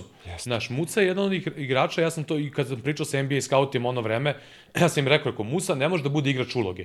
Znači, Ne. ti ga dovedeš u, u NBA i da ti bude igrač uloge, nema šanse. Ne. Musa mora da bude lider, mora da ima loptu, mora da ima... E, S tim što opet je bilo pitanje da li on to može na, na tom nivou konstantno da bude Jeste. lider. Znaš, e, a došao u Real u savršenu ulogu gde ima oko sebe ove iskusnije ovaj, da, da pokrpe i onda u on u toj situaciji ima tu slobodu, njemu to savršeno odgovara, znaš, ono, ima, ima da kažemo neko ko će mu ko će ga rasteretiti malo, a opet s A druge opet strane će i moći da vuče. imaće svoju suštinu da on Jeste. vuče, da bude tu glavni, da radi stvari koje zna i njemu ta uloga savršeno odgovara. Jest, ali to, to što ima Real, to je, to prvo nema niko drugi u Evropi. E, a- a pazi ovo, am- I skoro je nemoguće napraviti. A pazi ovo, e, ove sezone to niko ne primećuje, Real nema nijednog Amerikanca. Nema, da. Ja sam primetio kad sam se, ovo ono što smo pričali, kad sam tražio, kad Nema, sam gledao rostere, nema niti jedan. Od, Niti od, jedan. ovi koji su otišli, znači Williams Goss, Randolph iz prošle sezone, koja je bio još neko prošle godine, ne, nemaju više Amerikanaca, to je vrlo interesantno.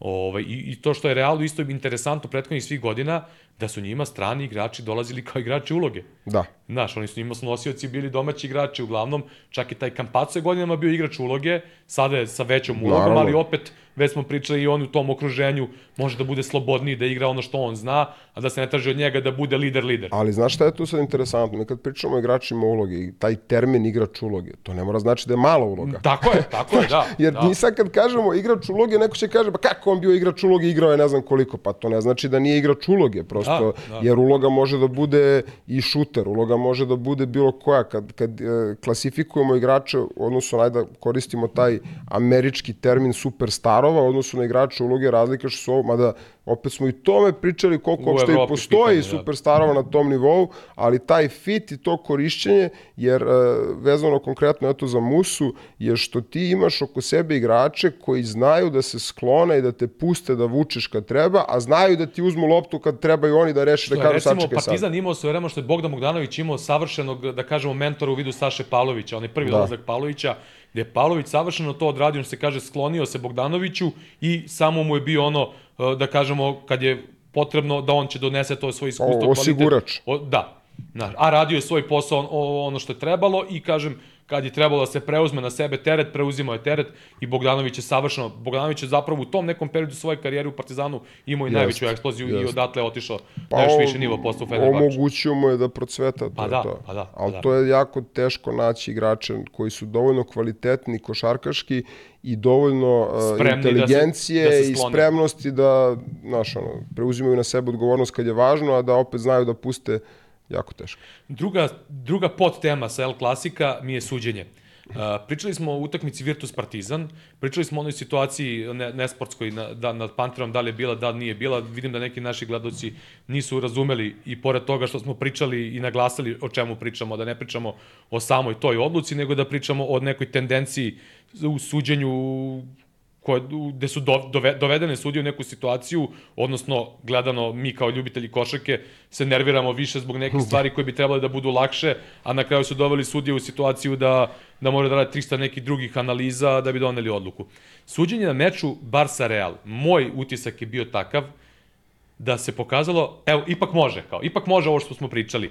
Moj utisak je da je El Clasico toliko veliki brend za Euroligu, da su se sudije prilagodile toj utakmici sa više neke slobode za nekim normalnim ljudskim kriterijumom, a ne kompjuteraškim kriterijumom. Uh, mnogo je teško suditi El Clasico. Energija, uh, energija je velika, uh, tenzije su velike na drugi način. Uh, stil igre timova je takav da, da se igra brzo, da ima dosta flopa i svega ostaloga. Sudije su bile odlično pripremljene za tu utakmicu, nisu nasedale, nisu sekle utakmicu, imali su par grešaka, to je normalna stvar. Znači, svako ko radi pogrešit će, kad su sudije u pitanju, je najbitnije da nemaju tendenciju. Da. A grešaka će biti, bit će velikih, bit će malih, e, bit će nekih neprimetnih. To je normalna stvar, svi greše, igrači, treneri, sudije, komentatori, e, gledaoci na kraju krajeva ne vide neke stvari, što se može smatrati greškom, znaš. Tako da mislim da su ovu utakmicu osudili vrlo dobro samim kriterijumom, gde recimo, ne znam, Kampaco imao dosta nekih situacija da je flopovao, još neki igrači su dosta flopovali na tu utakmici. Čudo. Arbitri nisu, do, Znači, nema običaj. nisu davali preveliku pažnju tom flopu u smislu neće svirati kao faul, odnosno Samo neće će nagraditi flopera, ignorisat će, neće pregidati utakmicu, neće ubiti flow utakmici. Meni se deluje kao da je to bilo na nekom više nivou dogovorno, ok, ovo nam je bitan brend za Euroligu, El Clasico, nećemo da ga uništimo sa ovim, ono, ovakvim gledanjem suđenja, znaš. E to ono što smo mi pričali u prošloj epizodi, što je moja želja bila, da, da sudije moraju kao neka starija vremena da dobiju slobodu da, da kažemo, ljudski faktor uvedu, da imaju tu vrstu slobode da, da osete neku situaciju, utakmicu da procene, a ne da strogo idu i da imaju taj strah od ponovljenog snimka, od instant replaya, koji će dokazati, je, ovo je bio kontakt, ovo je faul, pogrešili ste. Da. I meni je utisak bio da je, da je suđenje bilo odlično na toj utakmici u smislu kriterijuma, a e, da je, kako se zove,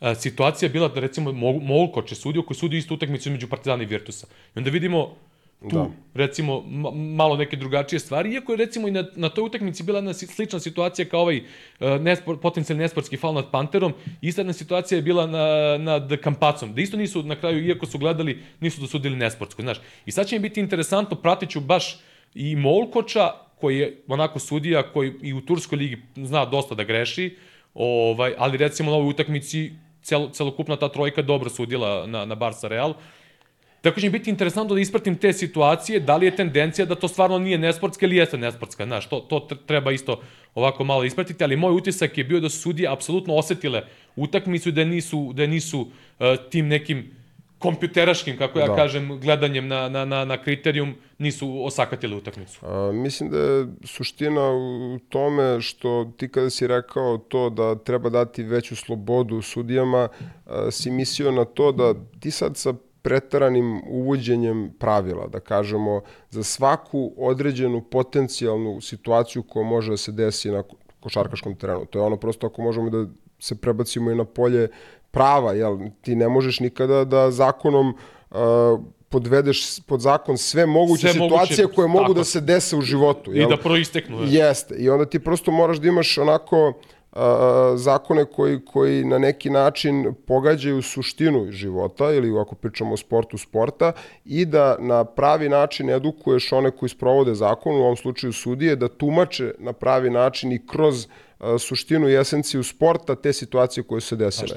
A, jer a, ono što ljudi ne mogu da razumeju je da a, sa preteranim brojem pravila i nekih novih tendencija u suđenju ti uvodiš zabunu tim istim Jeste. sudijama i na to si ovaj, ti mislio kad si rekao Tako da im je. treba veća sloboda. Ne u smislu veća sloboda da oni sude šta god hoće, Naravno. nego da im se da a, ne- diskreciono pravo da Tako je. prepoznaju u kontekstu a, događaja i situacije da li je to za nesportsku, da li je običan faul, da li je flop, a ne da imaju tamo neki priručnik na kojem, ono, ne znam, e, se, se, se 50 nekih pravila međusobno sukobljavaju i da oni zato u trenutku ne znaju, su, ne znaju šta. E, upravo to. A pritom imaju strah od greške, jer je sad sve je. kao pokriveno šatro kamerama, pokriveno kamerama koje opet suštinski su toliko loše u evropskoj košarci, Da. ne kamere, nego uh, uglovi kamera, da ti jednostavno koliko situacija je bilo, ti ne možeš ništa da vidiš. Gledaju ponovni Da. snimak, mene ne ubede, evo sinoć na Real F, sad pričat ćemo posle o toj utakmici, a, pa je bil, bil, bil, bila jedna situacija, recimo, da li gazio liniju iz kornera koja on je šutirao trojku, Hezunja da nije ono kad je bilo. Bila li je jedna situacija s Hezunjom, sigurno je bio jedan aut. Ovo, ne znam, možda je bila još Ajde, neka out, situacija. neka, neka trojka je bila gde ti, brate, iz tri ugla ne vidiš od protivničke Da. noge da li gazi ili ne gazi. Da. Znaš, i, ovaj, i položaj kam... Ti u NBA-u, brate, za svaku tu spornu situaciju imaš takve uglove. Pa kad ga zoomiraju, to se lepo vidi. Pa i kamere su postavljene na razni način. Ja znam da je to u evropskoj košarci sigurno u ovom trenutku teže uraditi kao na NBA-u, ali ako je to onda teško, onda nemoj da kopiraš NBA u svemu. Pa da, e, pa. iz tog ugla mislim da treba sudijama dati e, mogućnost, po znacima navoda, greške, jer oni su opterećeni sada, zato što sad e, šator te kamere kao njih će da, e, da otežaju njihov posao, a opet im neće pomoći u svakoj situaciji. Tako je. Jer evo, sinoć na Real FS je bilo toliko situacija da je mene snimak na jednoj situaciji nije ubedio da je u, u, odluka ispravna. Ili da, Upravo da, da nije ispravna. Pa zato što nikada Znaš. nećeš moći ni do kraja, pogotovo one odluke koje su 50-50. Pa da, pa da, Nije pa da. svaka odluka, mi možemo da pričamo o egzaktnosti gaženja auta, gaženja Jel tebi linije. ubedila na situacija ali da- kontakti, faulovi, Pa da, pa a, da. sitnice te vrste, znači mi, mi možemo da vraćamo, možemo 10 godina vremena da analiziramo neku situaciju i, I nećemo na kraju, ja ću možda misliti da je faul, ti možda nećeš misliti da je faul. I. I ni jedan ni drugi nećemo biti nužno u pravu. Tako je. A, a ta potreba da se bude potpuno egzaktan vodi u potpunu suprotnost, od onoga zbog čega dolazi I do zato toga. kažemo da igrači koriste to, ta, ta pravila i te neke, nazovi, sive zone i Jeste. ulaze u flop, ulaze u, traže način kako da prevare sistem, što se Jeste. kaže. I to dovodi u neku drugu vrstu problema koja je možda gora od onog Jeste. problema koji ranije je bio, koji su teli da iščiste Pa od nekih prljavih odmah- kontakata, od ovoga, od onoga. Odmah da se nadovežemo na situaciju protiv Efesa, ovaj posljednji koš Muse. Znači, Dakle, a, sad, ja verujem, i sad komentarisao sam na Twitteru i sa, ovaj, sa ljudima, a, ja verujem da ti sad kroz taj priručnik možeš da pronađeš neki deo da ti opravdaš tu svoju sudijsku odluku. A svi koji gledamo utakmicu, svi koji volimo sport, prosto ne postoji način na koji može da se opravda ta odluka. Znači, ili ćeš reći da nije ni bio faul, izmislit ćeš cilindar, ne znam nije šta god, i tu bi se isto nadovezao na jednu stvar vezano za taj polukrug, a, koju sam već pominjao ranije. Šta znači taj polukrug? A taj polukrug Jer znači ja samo za postavljanje za faul napadu, a ne sad- za lakat. E, upravo to sam teo Znači, da to kažem. samo služi Jer ljudi polukruga kao, znaš, kao bio je u polukrugu, znači da uzem sad ima to? motku i da te Da te opalim po opalim, glavi da. kao bio si u polukrugu, brate, ne računa se. da, pa da. Mislim, to- toliko pogrešno uh, razmišljanje o sportu, gubi se suština, gubi se esencija Jeste, igre. jeste, jeste. Znači, ja sam na svom prodoru do koša, znači hronološki gledano, prvo tebe nokautirao, pa onda položio loptu u koš i ti meni računaš da taj koš važi do kojeg sam ja došao na potpuno nelegalan način. Znači, Tako to je je. isto kao da sam ja uzeo loptu, stavio ga pod majicu, trčao 10 koraka i šutno na koš. I kao koš važi, šta? A koraci? Znači, bili su koraci i koš važi Ne, isto vreme. e, Tu opet je jedan, jedan problem situacije. Znači, sudije nisu ništa svirale, onda su posle Da. gledale snimak. Samim tim što nije nikakva odluka doneta, nema šta da se poništi gledanjem snimka. Znači, sudije su na kraju donele ispravnu odluku sa gledanjem snimka da, je svirana nesportska musi. I to je jedno što su mogli da donesu, ovaj, oni su samo to mogli da gledaju jer nije ništa svirano. Jeste. I nema šta da se promeni gledanjem ovaj, Jasno. snimka. Ali meni u tom trenutku nije jasno kako ne vide taj lakat u lice. Pa da, a Znaš. to pogotovo plus, E, a to ćemo, da dođemo opet na posle situaciju o, o A šta, jednom pit- oslanjaš se na snimke, ceo, mislim, Pa, e, sad, pa, e, e. dolazimo do te tačke, jel? To je to. Znaš, ono kao, nema veze, kao, znaš, pogledat ću svako kasnije snimak, znate. Znaš šta je meni sad? Ja sam to, to sam pričao i kada su uvodili sve te stvari iz te tehnologije u košarku, a i u futbal, boga mi, ja i dalje stojim pri toj tvrdnji.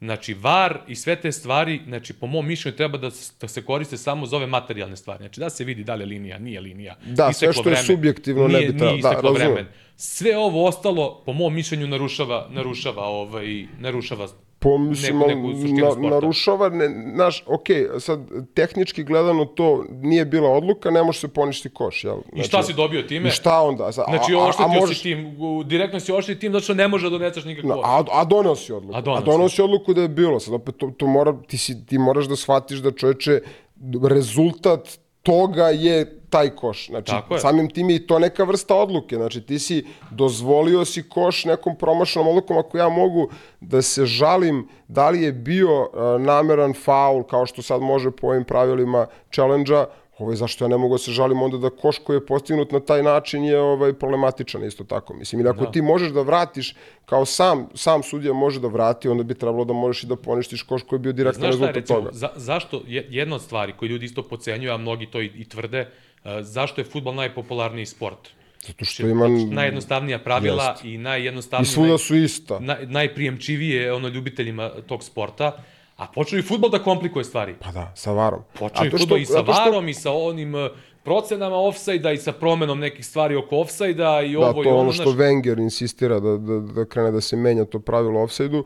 A, je- jednostavno nemoj, ne treba dirati neke stvari. Nekim sportovima to leži. Recimo, oni su svi krenuli to da kopiraju od američkog futbala, NFL-a, pa da. koji, je, koji je prosto takva vrsta sporta, jer je to sport koji nema nema kontinuitet igre pre svega. Znači, to, to je ogromna razlika koju ne razumem kako ljudi to ne mogu da shvate. Znači, jedno je kad ti u NFL-u uvodiš no, no, non-stop replay, non-stop challenge, jer je to vrsta sporta koji se non stop prekida, znači non stop se prekida, akcija prekid, akcija prekid. Tebi je futbol pogotovo sport koji se nikad ne prekida. Tebi je košarka sport koji ima svoje prekide, ali opet znači jedna postoji jedna vrsta kontinuiteta igre non stop koju ti sečeš i ubijaš ritam svima. Znači ubijaš i onima koji su u dobrom ritmu, onima koji su u lošem ritmu, ubijaš sport na taj način. A šta dobijaš? Ko, koji je procena dobitka pritom, ako pričamo o varu, koliko je to ulaganja, koliko je to novca?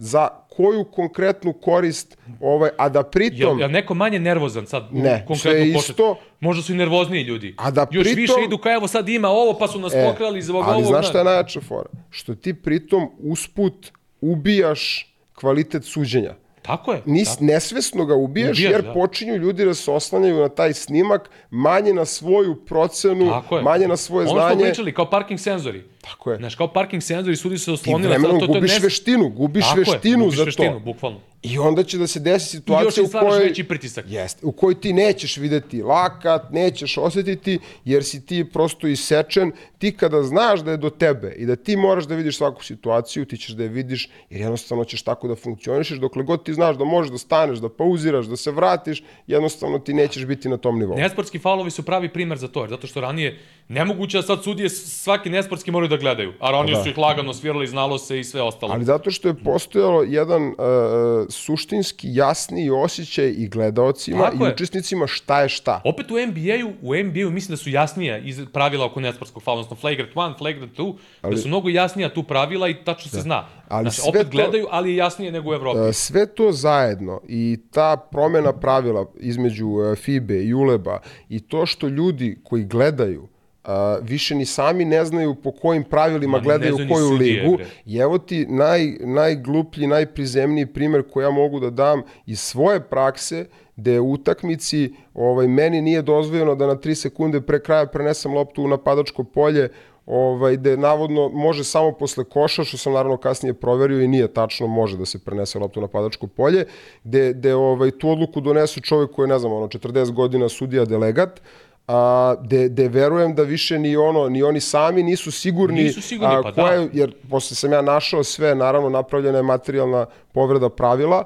ali hoću ti kažem, znači eto, je- sudije na tom nivou delegati, ljudi koji su celog života u sportu više ne znaju ni šta rade, ni koje odluke donose, ni po kojim pravilima sude i ne vidimo ovaj koji je konkretan benefit toga, pogotovo bi sa velikim ovaj žaljenjem posmatrao futbol kada bi napravio tu grešku i da krene ovim našim košarkaškim putem kada bi trebalo da bude potpuno obrnuto, da, da košarka svuda bude ista, a ovako su pravila svuda različita, da li je college, da li je NBA, da li je evropska košarka, pa onda u okviru evropske internacionalne košarke FIBA i ULEB, što sve dovodi do dodatnih zabuna, zabuna, zabuna, na potpuno ovaj gubitak samo igre kao sporta.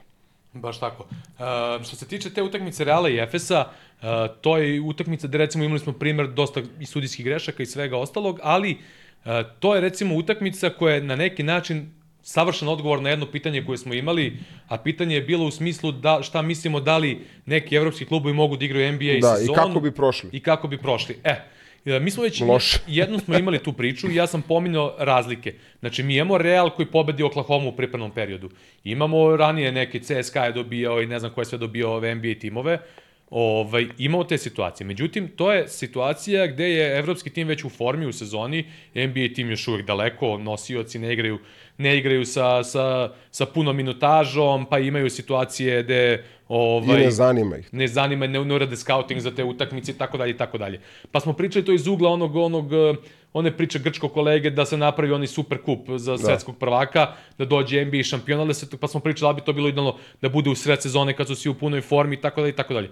To su sve faktori. Međutim, najbolji primer ovoga, sin, ova sinoćna utakmica je ta Znači, evo ti najbolji primer. Znači, 130-126 je bio rezultat za Real nakon četiri produžetka.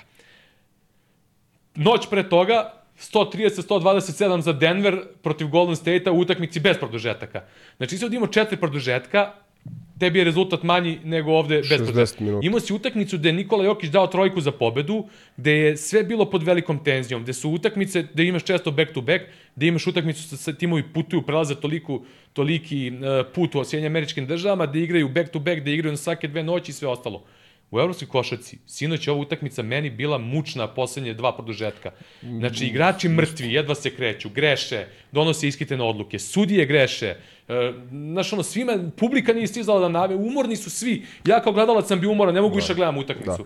Znaš, a ti u NBA-u, pap, je li tako? Prvo traje utakmica 48 minuta, znači, Na, posljednja, posljednja četvrtina, posljednja četvrtina, ispade ko četvrtina, ali posljednji produžetak, e, meni je utisak e, bio mučan, iskreno. Ja, ja gledam, ljudi svi komentarišu, ne znam, ono, kao jedna od najvećih utakmica. Prvo, prvo ne može da bude utakmica koja je regularni deo bilo čega, jedna od najvećih utakmica bilo čega. Znači, to je prosto, ovaj, ne može da bude, jer nije, nije taj nivo, nije ta važnost, ono što lepotu čini sporta važnost utakmice, ulog i tako dalje. Ovo je samo jedna utakmica regularnog dela, koliko god da će ostati zabeležena kao utakmica sa ne najvećim brojem produžetaka, ali eto, znači tu negde a posljednja, posljednja četvrtina produžetaka, e, Larkin, znači ja gledam Larkina nema i snage. samo gledam, ne, nešto nema snaga, gledam će da umre. O, čovjek, da, da, znači ti gledaš facu njegovu, znači on je, on je, ja, ja se, bukvalno sam se plašio da dobije čovek infarkt, da slomi nogu. Brate, treneri su bili umorni. Uh, svi su on... onako izgledali, meni je delovalo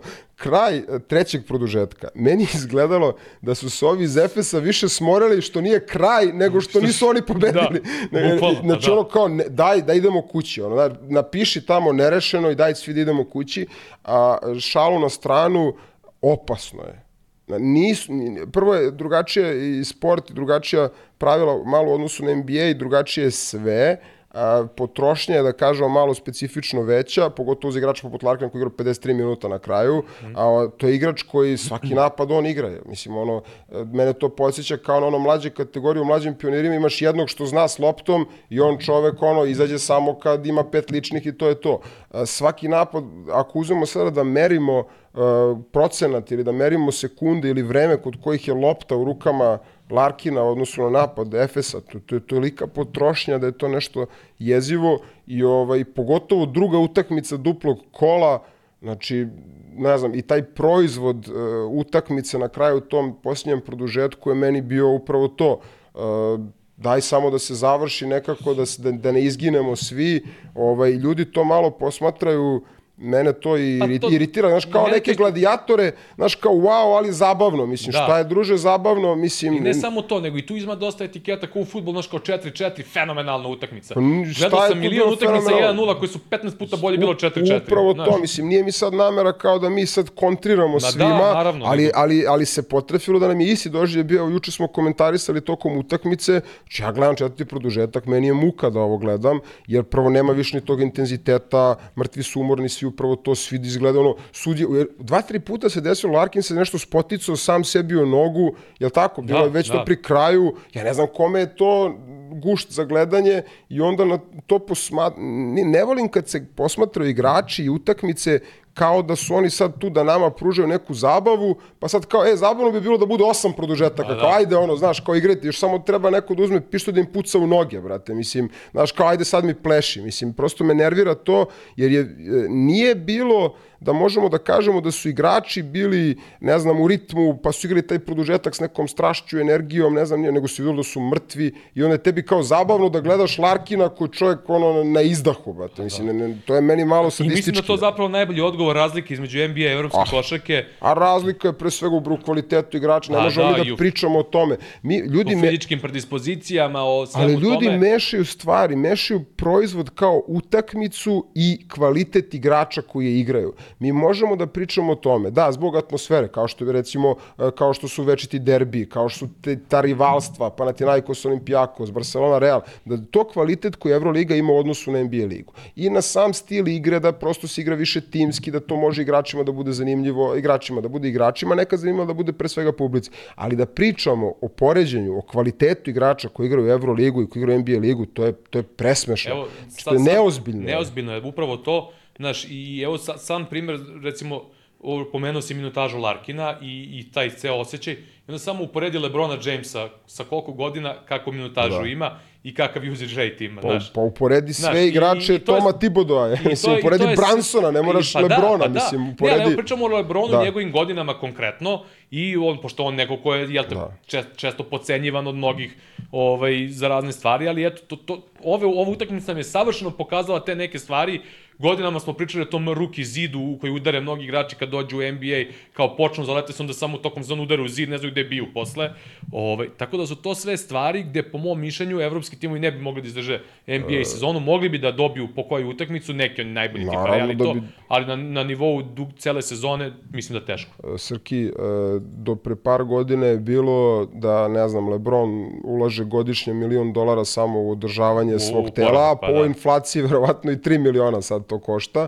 A, o čemu mi dalje da pričamo? Znači, da. to su plate naj, naj, naj, najplaćenijih igrača u evropskoj košarci. Pa i Tom Brady sa onim pižamama a i Tom ono Brady sve. sa svojim, sa svojim onim uh, mentorom slash trenerom, onim Alexom Guerrerom, koji je osmislio čitav onaj taj TB12 metod gde je ono od ishrane, spavanja, ne znam, nije ono, to su Pa stvari... te gde- pižame, ono... Pidžama, sve, znači ono, ne znam, ono...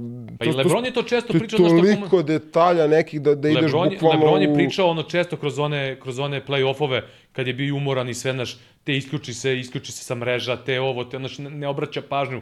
Taj umor, taj psihološki umor, zaista ono zjaznuta stvar, znaš. Kako nije, mislim. I, ali- ovaj, I to što, što oni igrači u NBA, posebno kad dođe play-off, Pa ne, to, ali to, to, znaš, su i stvari to, koje to je ne mogu tu je da se deo problema koji ljudi ne razumiju kada Jokić i njegovo rep- igranje za reprezentaciju u pitanju, znaš. Zato što je to, to je, upravo to je potrošnja prevelika, konkurencija ogromna, svako ima pravo na kraju dana da, Ma da, ali da znaš, bude umoran. ni- ni- ne reaguju svi isto na, na, na, na umor, na, na stres, na ovo, na znaš, ima tu milion faktora da bi se gledalo to tako, pošto, e, ne znam, Gasol je mogao, e, ne znam, ovo je mogao, znaš. Ma svako je čovjek za, Za, sebe, za, bre, za, mislim. svaku, za svaku situaciju koju neko kaže, ja nešto kažem, ti možda kažeš čekaj, ali ovaj. Onda dođe vlada kaže, ali da, ali on ovaj, ja opet mogu kažem, da, ali onda je on ovaj. I samo ulaziš neki začarani krug, a suština svega da nismo svi isti. Je. Stvari I da ne, koje- ne reagujemo svi isto na... Upravo to, stvari koje meni prijeju ili meni smetaju, ne moraju nužno da budu isto stvari koje tebi prijeju ili smetaju. Ili, ili što Znači, kažu, ona stvar koja je meni otrov, tebi je lek i obrnuto je. I to tako treba i posmatrati, ali opet je važno da se istakne da u isto vreme je moguće da Euroliga kao utakmica, Euroligaška utakmica bude zanimljivija od NBA utakmice, Naravno. kao što može i utakmica mlađih pionira ili pionira da bude zanimljivija od, Od seniorske, ali to ne znači da je kvalitetnija, nego samo je. da je zanimljivija, a Tako to je. jedno s drugim nema, nema veze. Tako je. E, da vidim da li nešto nismo zaboravili od nekih tema. E, ili imamo vremena? Vlado, Ma koliko, koliko bijemo sa trenutno? Smo prešli dva sata. Da, 2 i 10 možda, jel? Tako, Hoćemo kratko Ajde, samo a, još da moramo, dotaknemo trade Nixa Trade. i naših, naših mučenih Nixa. mučeni Nixi koji ono, ja mislim šta god da urade, da naprave trade, da dođu, ne znam, LeBron, Durant, ovaj, ne znam, nije Steph Curry, da bi opet bilo kao, vidi ovi Nixi šta rade. Kao, Da, kao, da, da, da. Šta su, koga su ovo doveli, kao, šta sad ovi već imaju toliko i toliko godina. Uh, ajde ovako, znači ja isto Nixe ono, gotivim još iz 90. godina i onako uh, pratim kakvo god da je situacija, ja pratim. Međutim, moj utisak je bio, uh, prošle i ove sezone, da nikad sa manjom pažnjom nisam pratio Nixe, Uh, razlog je taj. Sad pazi, tu dosta specifično. Znači sad Nixi lupam. su ušli u kolotečinu jednu, bili gde, to je to, nema ni levo ni desno. Ja čak nemam ni problem s tim. Znači, nemam problem sa tim, ono što mnogi kao pričaju Tibodo u ovo, ono i sa tom vrtnom ja nemam problem s tim, ja to volim. Volim kad tim ima svoju neku uh, specifičnost i ja to volim. Znači, uopšte mi to nije, nikakav mi to problem nije bio. E sad, no, znači, ima dosta nekih stvari, lupam sad, ono, ispadne onaj Mitchell Robinson, uđe Hartenstein u petorku, ti imaš petorku s četiri levoruka igrača. Znači, sve kontra. Sve kontra od celog sveta rade, razumeš?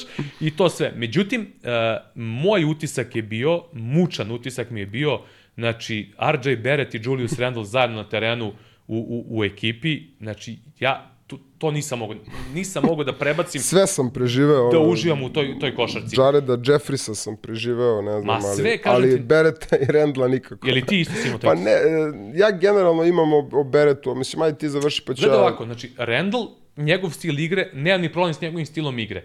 Ali imam problem sa stilom igre kad je tu i Beret.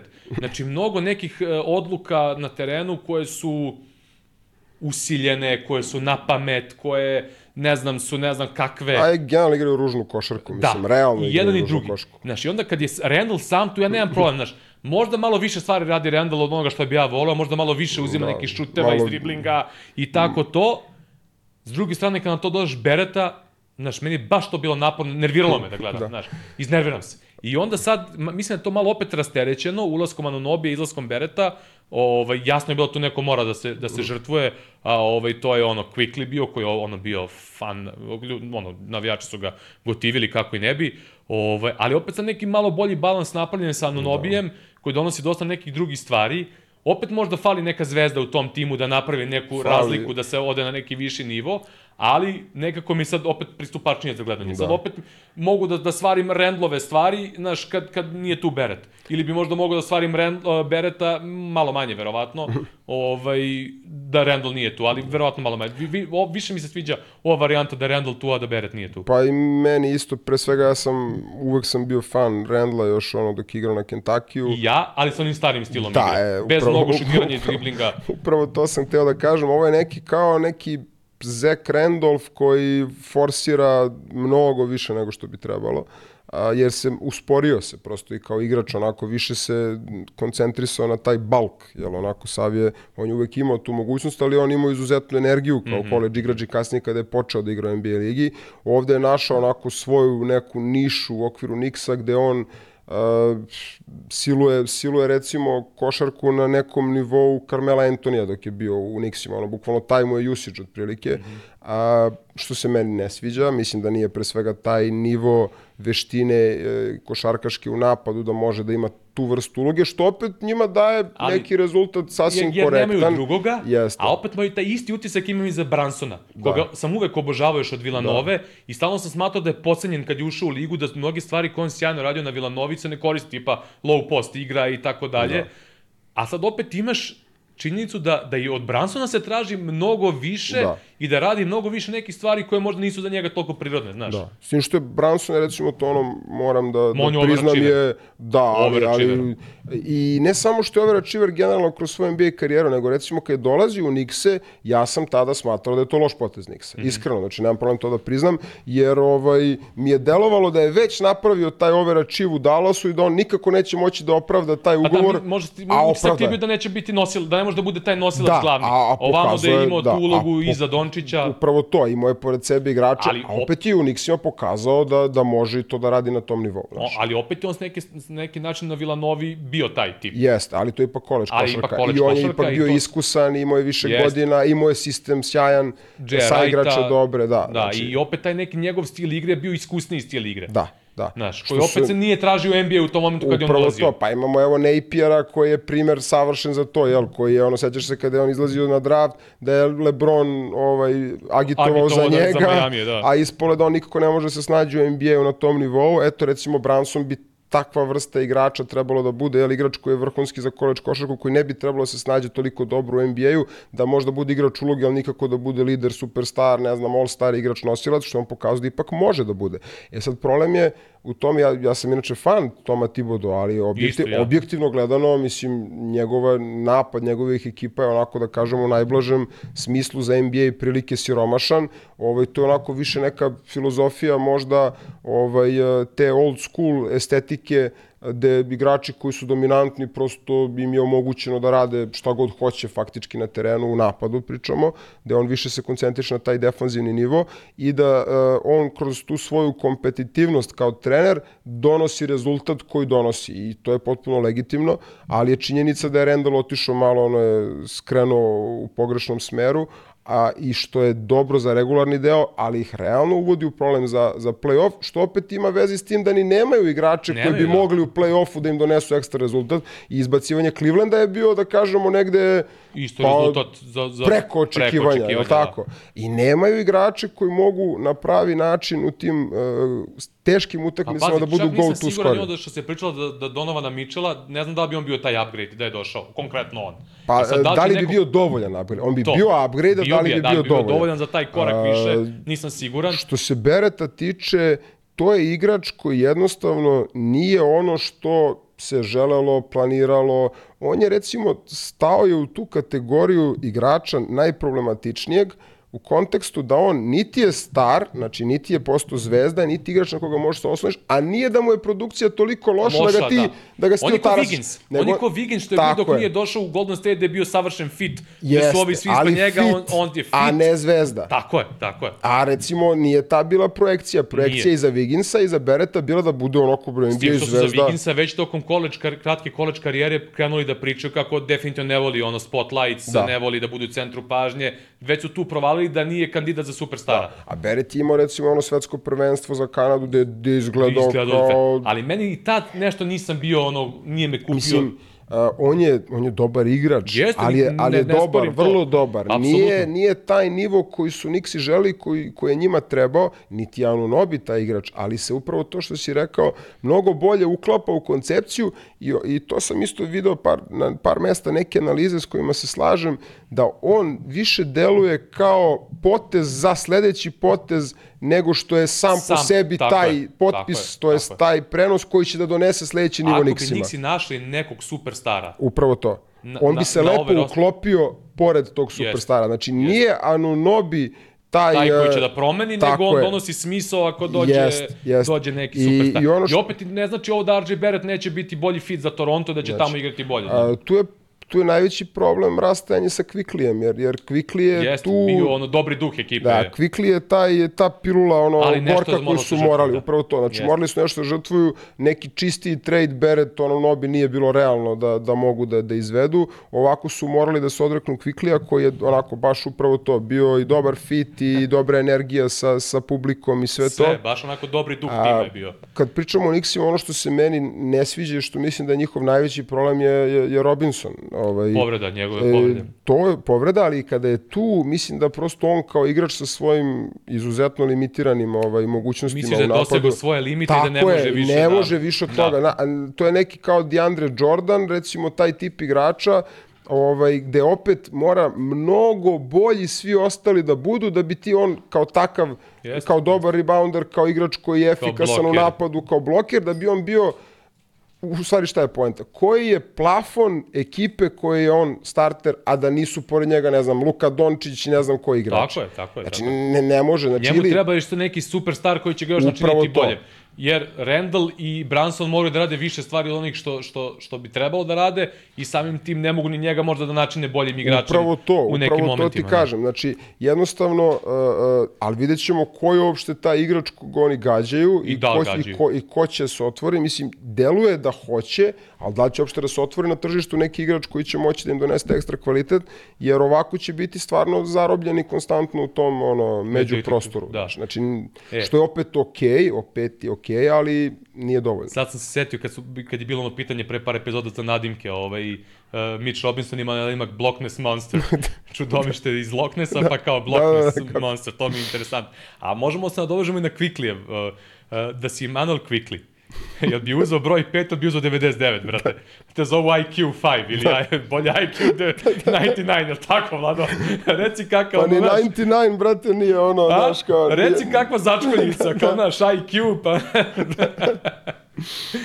to, to mi je bilo onako isto smešno i interesantno kada je Quickly u pitanju. Vidjet ćemo kako će da bude fit ovaj, i njima u Torontu, ali onako, onako meni je to trade koji potpuno razumem jednu i drugu stranu, zašto su ga... No, apsolutno, znači, To je ono klasičan win-win. Win-win znači, za jedne za druge, bez Niko nikoga tu nije nešto pretrano prevario, može da se desi da bolje prođe New York sa tradeom, može da se desi da prođe bolje Toronto, može da se desi da podjednako dobro prođu, znaš, ni- nije mi ono, znaš, kako imaš neki nije trade kao ono- uš, znaš, ko šta Sad je će ovo. biti interesantno vidjeti dalje ovo za Sijakama, znaš, jel, dosta Da. Timova juri Sijakama i bit će interesantno da li će on uh, otići i gde će otići, što može da bude vrlo, vrlo ovako zanimljiva stvar. Uh, biće vrlo zanimljivo iz ugla Golden State Warriorsa, jer Da. oni sad uh, sa svim ovim nevoljama koje su se dogodile i sa ovim mladim igračima, nezadovoljnim E, tu, svojim da, razvojem to i bih ulogom. isto da- za- da pomenemo možemo isto. to da pomenemo, ali recimo već sada počinje da se šuška o tome da li Golden State spreman da traduje te mlade igrače, možda čak i neke ove starije tipa Kleja ili tako nešto, ovaj, da bi iskoristili još Stefa Karija, da vide šta može da se dobije.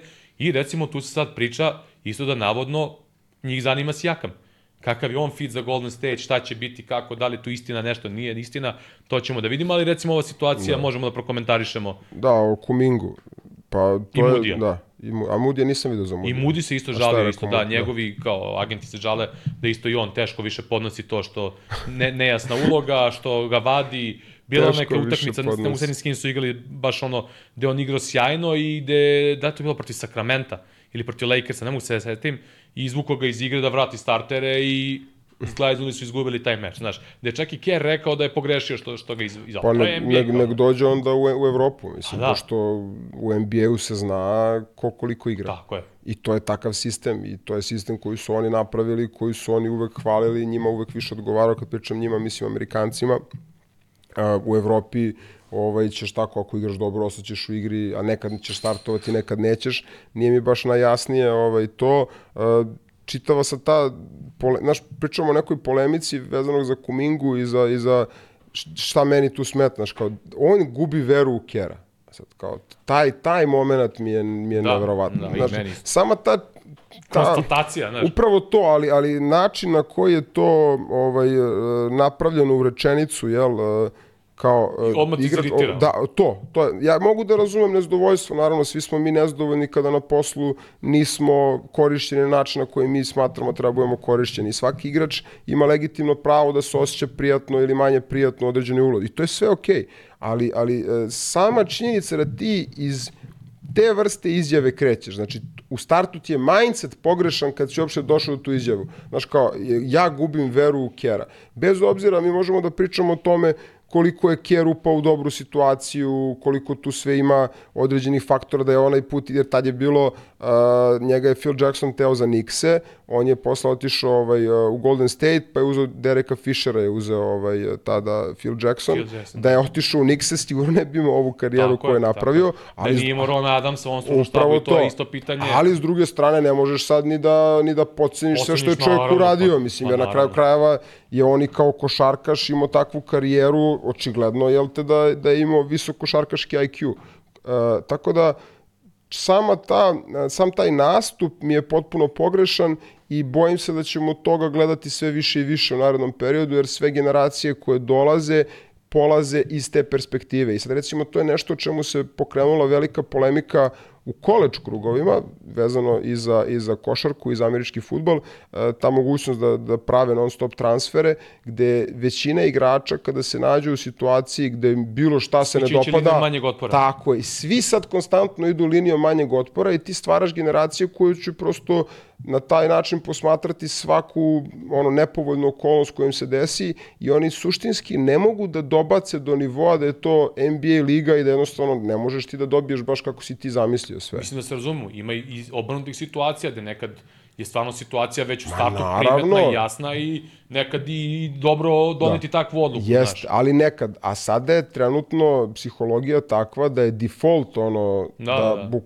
ne, idem da idem da, a nema gde da ne, nemaš ti sad hiljadu opcija, pogotovo ako pričamo o NBA ligi, imaš to Mhm. što imaš i o, veliko je pitanje ako si tu nezadovoljan na taj način na koji si nezadovoljan, da li ćeš biti zadovoljan negde drugo. A opet znamo i kako se tek etiketira u NBA-u. Pa da. Znaš, ako jednom odeš kaj kao nije mogo kod Kjera, ne znam, nije mogo ovde, Pa svi će gotovo. odmah da krenu automatski, ok, kad nije mogo tamo neće moći ni kod nas. Ono. Pa upravo to, jer, jer pogotovo ti kad kreneš se žališ na Golden State. Znači da, da ti kreneš se žališ na, ne znam, nija, na Nikse, ko što se svi uvek žalili, da se žališ na takve klubove koji nemaju tu uh, u skorašnje vreme istoriju pobeđivanja, to je jedna stvar. Ti ako počneš u takvoj vrsti kulture koju imaš i pored, pored igrača kojih si okružen, da ti nešto smeta, Evo imamo sada Jordana Pula kako on sad prolazi u Washingtonu i njegovu karijeru. A, nisu baš svesni oni koji luksuz imaju i bogatstvo da igraju u Golden State u toj zlatnoj eri sa, sa i protokom igre i stilom igre I koji koliko ih odgovara. je taj sistem napravio boljim Tako igračima. je, upravo to. Nego jednostavno okrenuti su sebi što kažem. Ok, ali mislim da je, mislim da je greška i da ćemo toga gledati sve više. Dobro, jesmo prošli sve teme, nemamo više ništa iz NBA više u tom nekom smislu. Pa, za ovo sad da. Bilo je onih par nekih stvari, na neka pitanja smo odgovorili kroz ove konkretne primere.